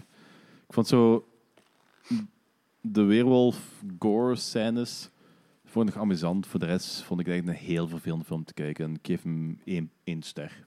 Oké. Ja. Ik snap dat wel. Ik snap dat eigenlijk perfect. Ja, ik ook. Ja. Ik vind het spijtig, want ik had hem heel graag beter gevonden, want ik vind dat wel heel... eh, Er zit iets cools in. Maar Eh, dat is het, waar. kwam, het kwam er gewoon niet uit. Nee. Ja, ik denk... Weet je, ik, ik, denk, ik denk gewoon dat het heel moeilijk is met... eh, als je film moet... eh, als je film het moet doen met je personages... Om dan de hele tijd interessante personages, interessante dingen te laten doen of te laten zeggen. Gewoon, want dat is basically gewoon vertellen dat ze doen. En Ja, kijk, volgens, volgens, mij heb je, volgens mij heb je dan... Je hebt drie opties. Ofwel maak je de film gelijk dat je hem nu hebt gemaakt. Ofwel maak je de film korter. Ofwel maak je de film niet. Als je, als je niet genoeg tijd kunt vullen met je personages en dingen dat ze moeten doen, dan... ja, voor, voor mij mocht hem effectief korter zijn. Zeker die tweede act. Die mocht Maar korter. het duurt toch niet zo... Duurt die lang? nee, het duurt niet lang. Het duurt niet lang. Het duurt niet lang, maar hij voelt lang. Ja, het is is gewoon waar. dat er zo, zo weinig in gebeurt, voelt het lang aan. Maar ja, aan de andere kant, veel andere mensen hebben er wel van genoten. Ja, eh, Ja, dat is oké, maar ik, ken, ik, ken hem misschien, ik heb hem niet, misschien niet gesnapt. Dus. Ik, ook, ik al helemaal niet. Eh, ik, vond, ik vond de effecten van cool gedaan. Zeker voor een B-film. Dat vond ik gaaf. En ik vond de, de weerwolven ding, eh, de weerwolven, hoe de weerwolven eruit zien, vond ik echt gaaf. Ja, Ook trouwens ook nog aan jullie vragen. Wat zijn jullie favoriete weerwolven? Zo, weerwolven die effectief echt in wolven veranderen, als een viervoeters, echt een grote, gigantische wolf, of zo van die halve menswolven, zo die ook zo op twee poten staan. Die halve menswolven, dat vind ik het coolste. Ja, ik, ik weet het niet. Ik vind het allebei wel graaf. Ik vind het concept van de weerwolf vind ik eigenlijk heel cool. Ja. Eh, Ik ga, ik neig ook meer naar de, de half menswolf. Half Ja, ik wil, ja, ik, wil, ik wil het monster achter erin zien. Niet per se Ja. gewoon een dier. Ja, dat vind ik ook zo. Want als ik zo. American Werewolf in Londen, dat is ook zo. Dat is wel Dat is ook- monsterachtig. Ja, Maar die veranderen ook wel een. Of ding is. ehm, Ginger Snaps. Ja, dat is een perfect voorbeeld. Maar je, Eh, en je hebt eh, ah, ja, die, die sequel van American Werewolf, die in Paris. En- Hm. De CGI-versie van de American Ja, in maar Londen. daar verandert hij wel een soort van eh, zo'n zo'n anthropoïde weer, eh, wolf. Hè? Goh, ik, eerlijk gezegd, ik, ik heb die twee keer gezien eh, op een heel lange tijds, tijdspanne tussenin wel. Maar nu is het ondertussen ook weer heel lang geleden dat ik American Werewolf in Paris zag. En de tweede keer toen ik hem zag, had ik zoiets van... Als ik me meer over die CGI kon zetten, zou ik dan een toffere film vinden. Want die is scriptueel niet zo slecht, gelijk ik me herinner. ik heb Ik die weet, ik weet beide dat, nooit dat, is, gezien. dat is zo lang geleden. Ik weet dat gewoon Nu is hem ondertussen ook weer heel lang geleden. Dus ik kan zeggen van mening gaan veranderen als ik hem nog eens zie. Hè. Maar ik weet wel dat er heel veel CGI in zat. Dat wel. Eh, goed, dus eh, voor de luisteraars, Dog Soldiers. Ja, het, het- ja, het was, eh, het was een zware aan te zetten. Moet niet, voilà, ik denk, wel, ja, inderdaad, het moet niet. Dat vind ik een goeie. Dat vind ik een goeie. Eh, gaan we even twee seconden pauzeren, kan ik nog een pinch halen en dan kunnen we overgaan naar de descent. Ja, zo wou ik ook even nog water halen. Jongens en meisjes, horrorliefhebbers. Dit is het officiële pauzemoment van klokslag 12, meisjes en jongens. Alright, The Descent 2005. Tagline: The scariest movie in Earth. Vind ik een heel leuke tagline. Ja, it's pretty good. Wauw, bedoemd. Eh, synopsis, Logans. Ja. Ehm, het is een groep van vrouwen die eh, samen vaak zo gaan spelunken. Eh, wat is het Nederlands woord ervoor? Ik vind spelunken een leuk woord. Laat het daarbij Laten houden. we Aan het daarbij speleologie doen. sp- aan speleologie doen. Ehm, en dat is een groep vriendinnen van vroeger eigenlijk. Ehm, en die zijn wel best ervaren in spelunken. Die gaan dat doen om een, eigenlijk om een van die vriendinnen, ehm, die heeft pas haar man en haar kind verloren in een auto-ongeval.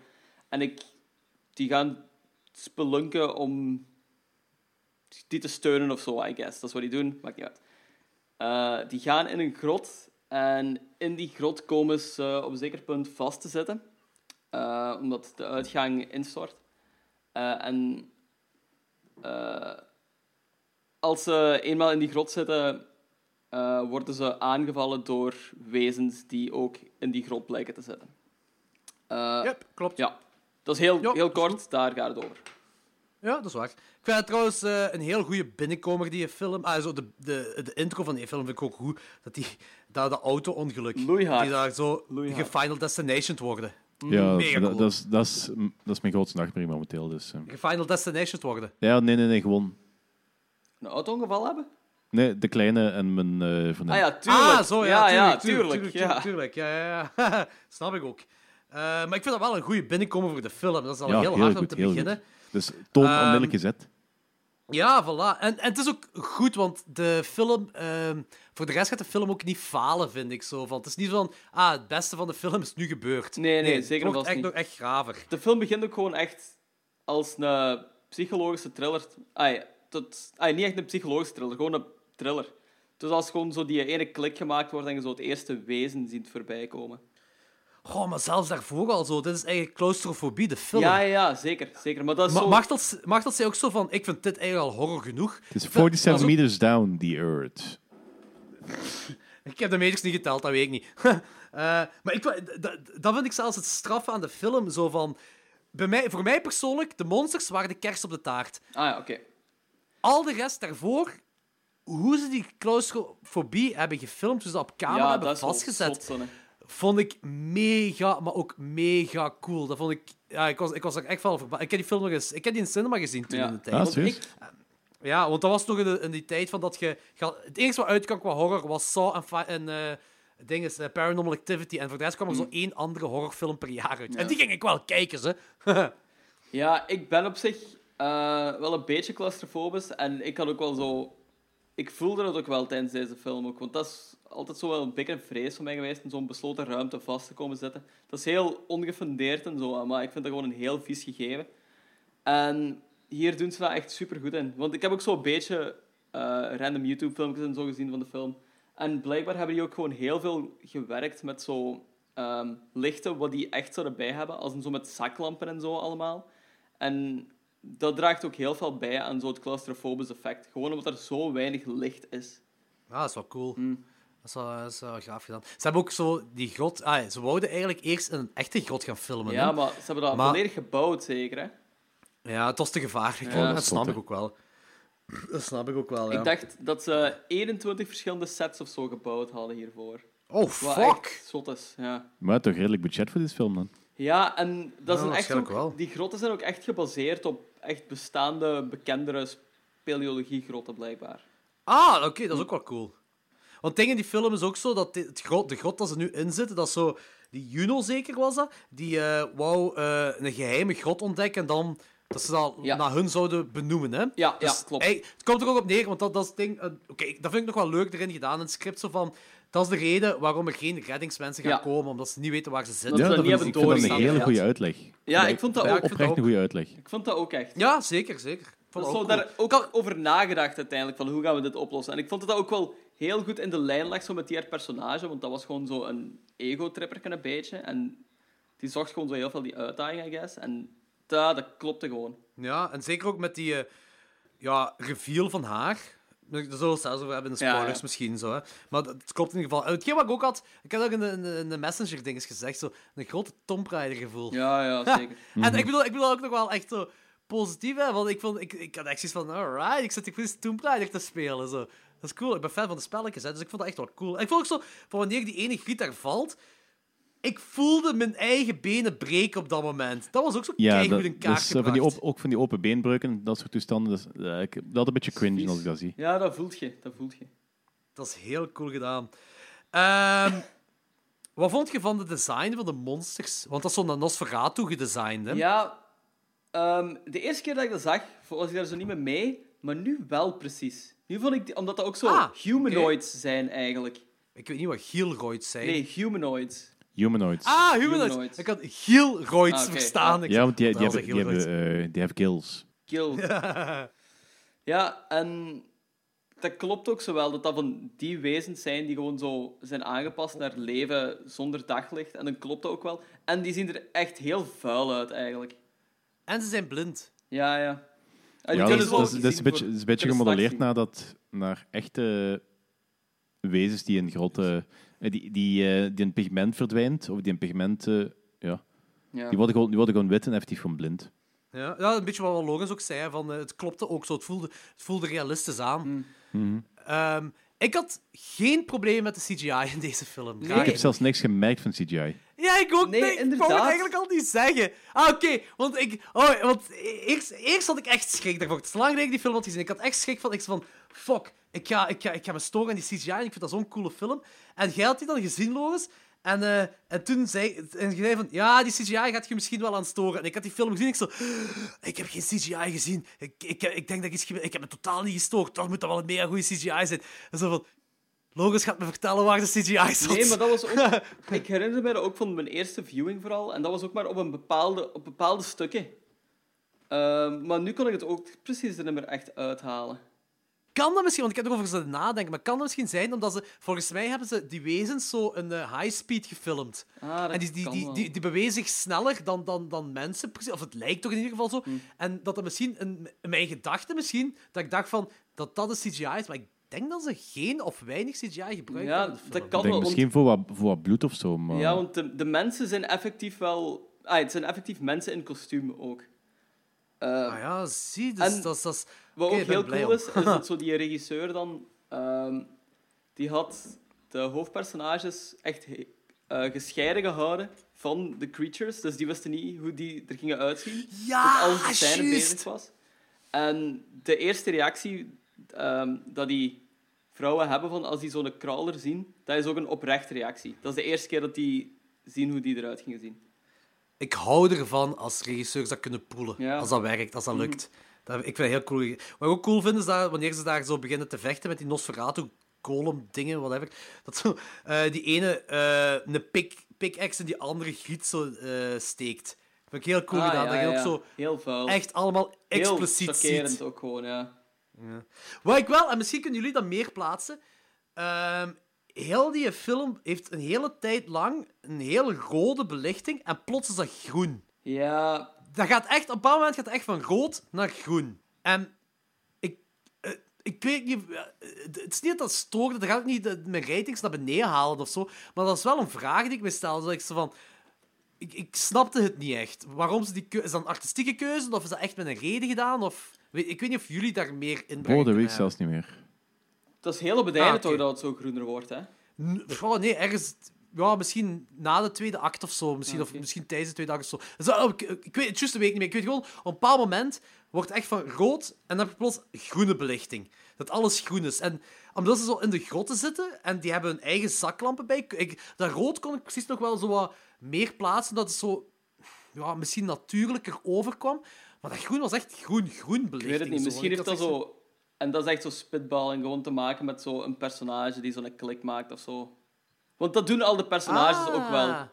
Eh, Dat is wel waar. Die, hebben echt, die personages hebben echt gewoon een hele arc dat die allemaal afzonderlijk meemaken. En zeker zo de hoofdpersonage, ehm, niet Juno, maar zo die ander. eh, Sarah. Sarah. Sarah. Ja, Ehm, Ja, ze, ze, wordt, ze wordt een sterkere vrouw. ja hieruit, voilà. hè. En die maakt op een zeker punt ook gewoon die klik echt. Dus misschien daarmee, I don't know. Dat kan, zijn. ik heb ook niet juist gekeken wanneer het gebeurt, maar ik vind dat wel een goede uitleg. Ja, het zou zoiets typisch zijn. Het zou zo, ai. Echt een artistieke keuze ja, ook voilà. Dat denk ik wel. doen, ja. Want ik heb het gevoel dat die film echt heel geregisseerd is gewoon, en dat er echt over alles wel is nagedacht geweest. Dus dat zou gewoon... Het zou raar zijn moest dat zo'n random ding zijn gewoon. Ja, ik denk ook wel niet dat het random is, maar ik, ik, ik kon het gewoon niet plaatsen. Maar ik vind het wel goed. Zou A Quiet Place een ding hier hebben gehaald uit deze film? Blinde monsters dat vrij snel kunnen bewegen? Ja, niet Of is dat echt, denk ik. dus ik denk, dat farfetched. beetje farfetched is. Ja, ik denk het ook, want die monsters Ja, zien er ook... Dat is een heel andere monsters eigenlijk gewoon. Ja, dat wel, dat wel. Maar omdat ze zo... In die film, de spanning komt ook zo... Also, na het claustrofobie komt de spanning zo uit het geen geluid kunnen Ja. maken of mogen maken. En het deed me er zo aan denken. Dus ik weet- maar ja, het is misschien wel vast. Dat kan wel, zo.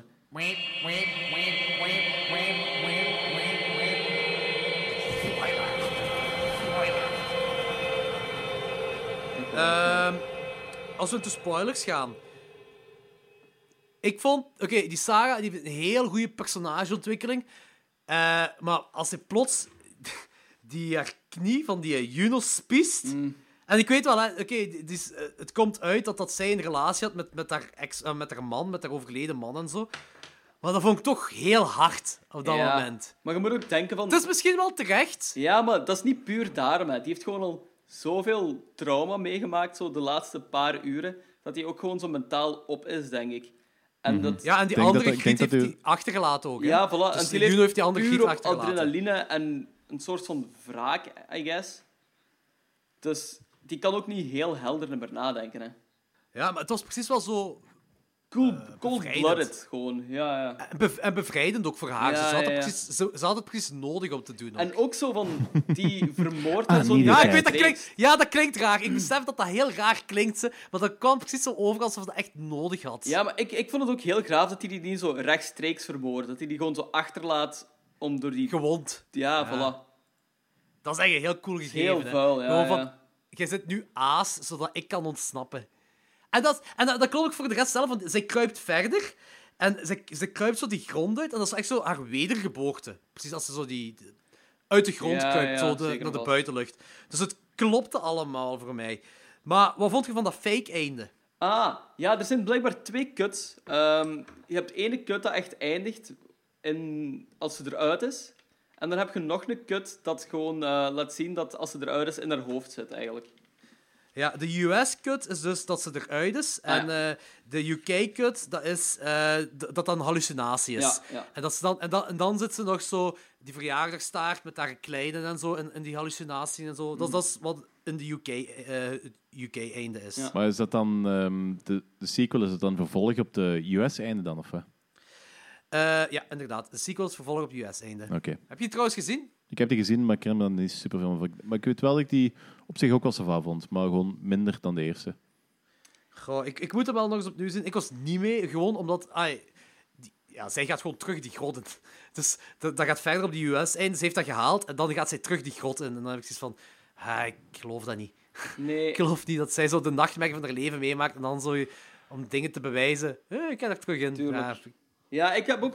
Ik zou het felste gewoon appreciëren dat ze er gewoon uit is. En dat zij zo verder gaat met haar leven. Want zoals gezegd, van, dat is een soort van wedergeboorte. En dat is cool als dat op die manier afgerond zou worden, denk ik.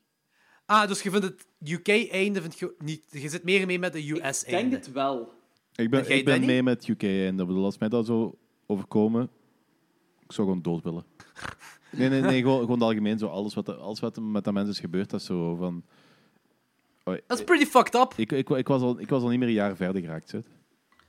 Ja, ja, ik snap wat je bedoelt. eh, om verder te kunnen overleven, ja. Eh, ik vind uiteindelijk het UK-einde ook wel cooler, omdat dat zo donkerder is. Ja, dat is zwaar. dat ook zo al. van, zij... eh, dat is zo... Er is no, dat is een bepa- nu ga ik, als ik dit zeg, dan is het een heel spoiler voor de mensen die die film nog niet gezien hebben. Dat is een film dat we deze podcast een paar keer hebben aangekaart, omdat er in een mail die film stond, van die we besproken hebben zoveel jaar geleden, en dat, dat heeft ook zo'n soort einde. En daar vind ik dat ook cool. maar als ik nu die film zeg, is die film gespoild voor mensen die het nog niet gezien hebben, dus dat is een beetje lullig. Eh, maar in ieder geval, ik vind de UK-einde ook gewoon leuker, omdat dat... eh, ja, het is donkerder. Maar ik snap wel als je de, de, de US-einde beter vindt, omdat dat... Ja, ze heeft daar bevrijding haar wedergeboorte. Ja. Zwat, ratings, Lorenz. Eh, ik geef hem 4 op 5. Film is keigraaf. Nice. En is, heel, is oprecht ook heel eng. Ehm, en ik kan er ook weinig slechts van zeggen. Dat is gewoon een heel coole cast ook van mensen. Vrij origineel, vind ik ook. Ehm, ja, ik vind hem echt heel graaf. 4 op 5. Ik kan daar, ik kan daar heel weinig slechts over zeggen. Dus, ik, ik, ik had een beetje schrik om hem opnieuw te zien, maar het was ook alweer wat jaren geleden. Maar dat stond nog altijd gelijk in huis. Alright, unaniem. Ik, heb ook een vier, ik ben ook een 4 op 5. het is hetzelfde. Ik, eh, eh, ik kan er weinig slechts over zeggen. De film is ook meer dan een monsterfilm. Het is zo psychologische horror over verraad, schuld Ja, en, ja, en en een beetje claustrofobie.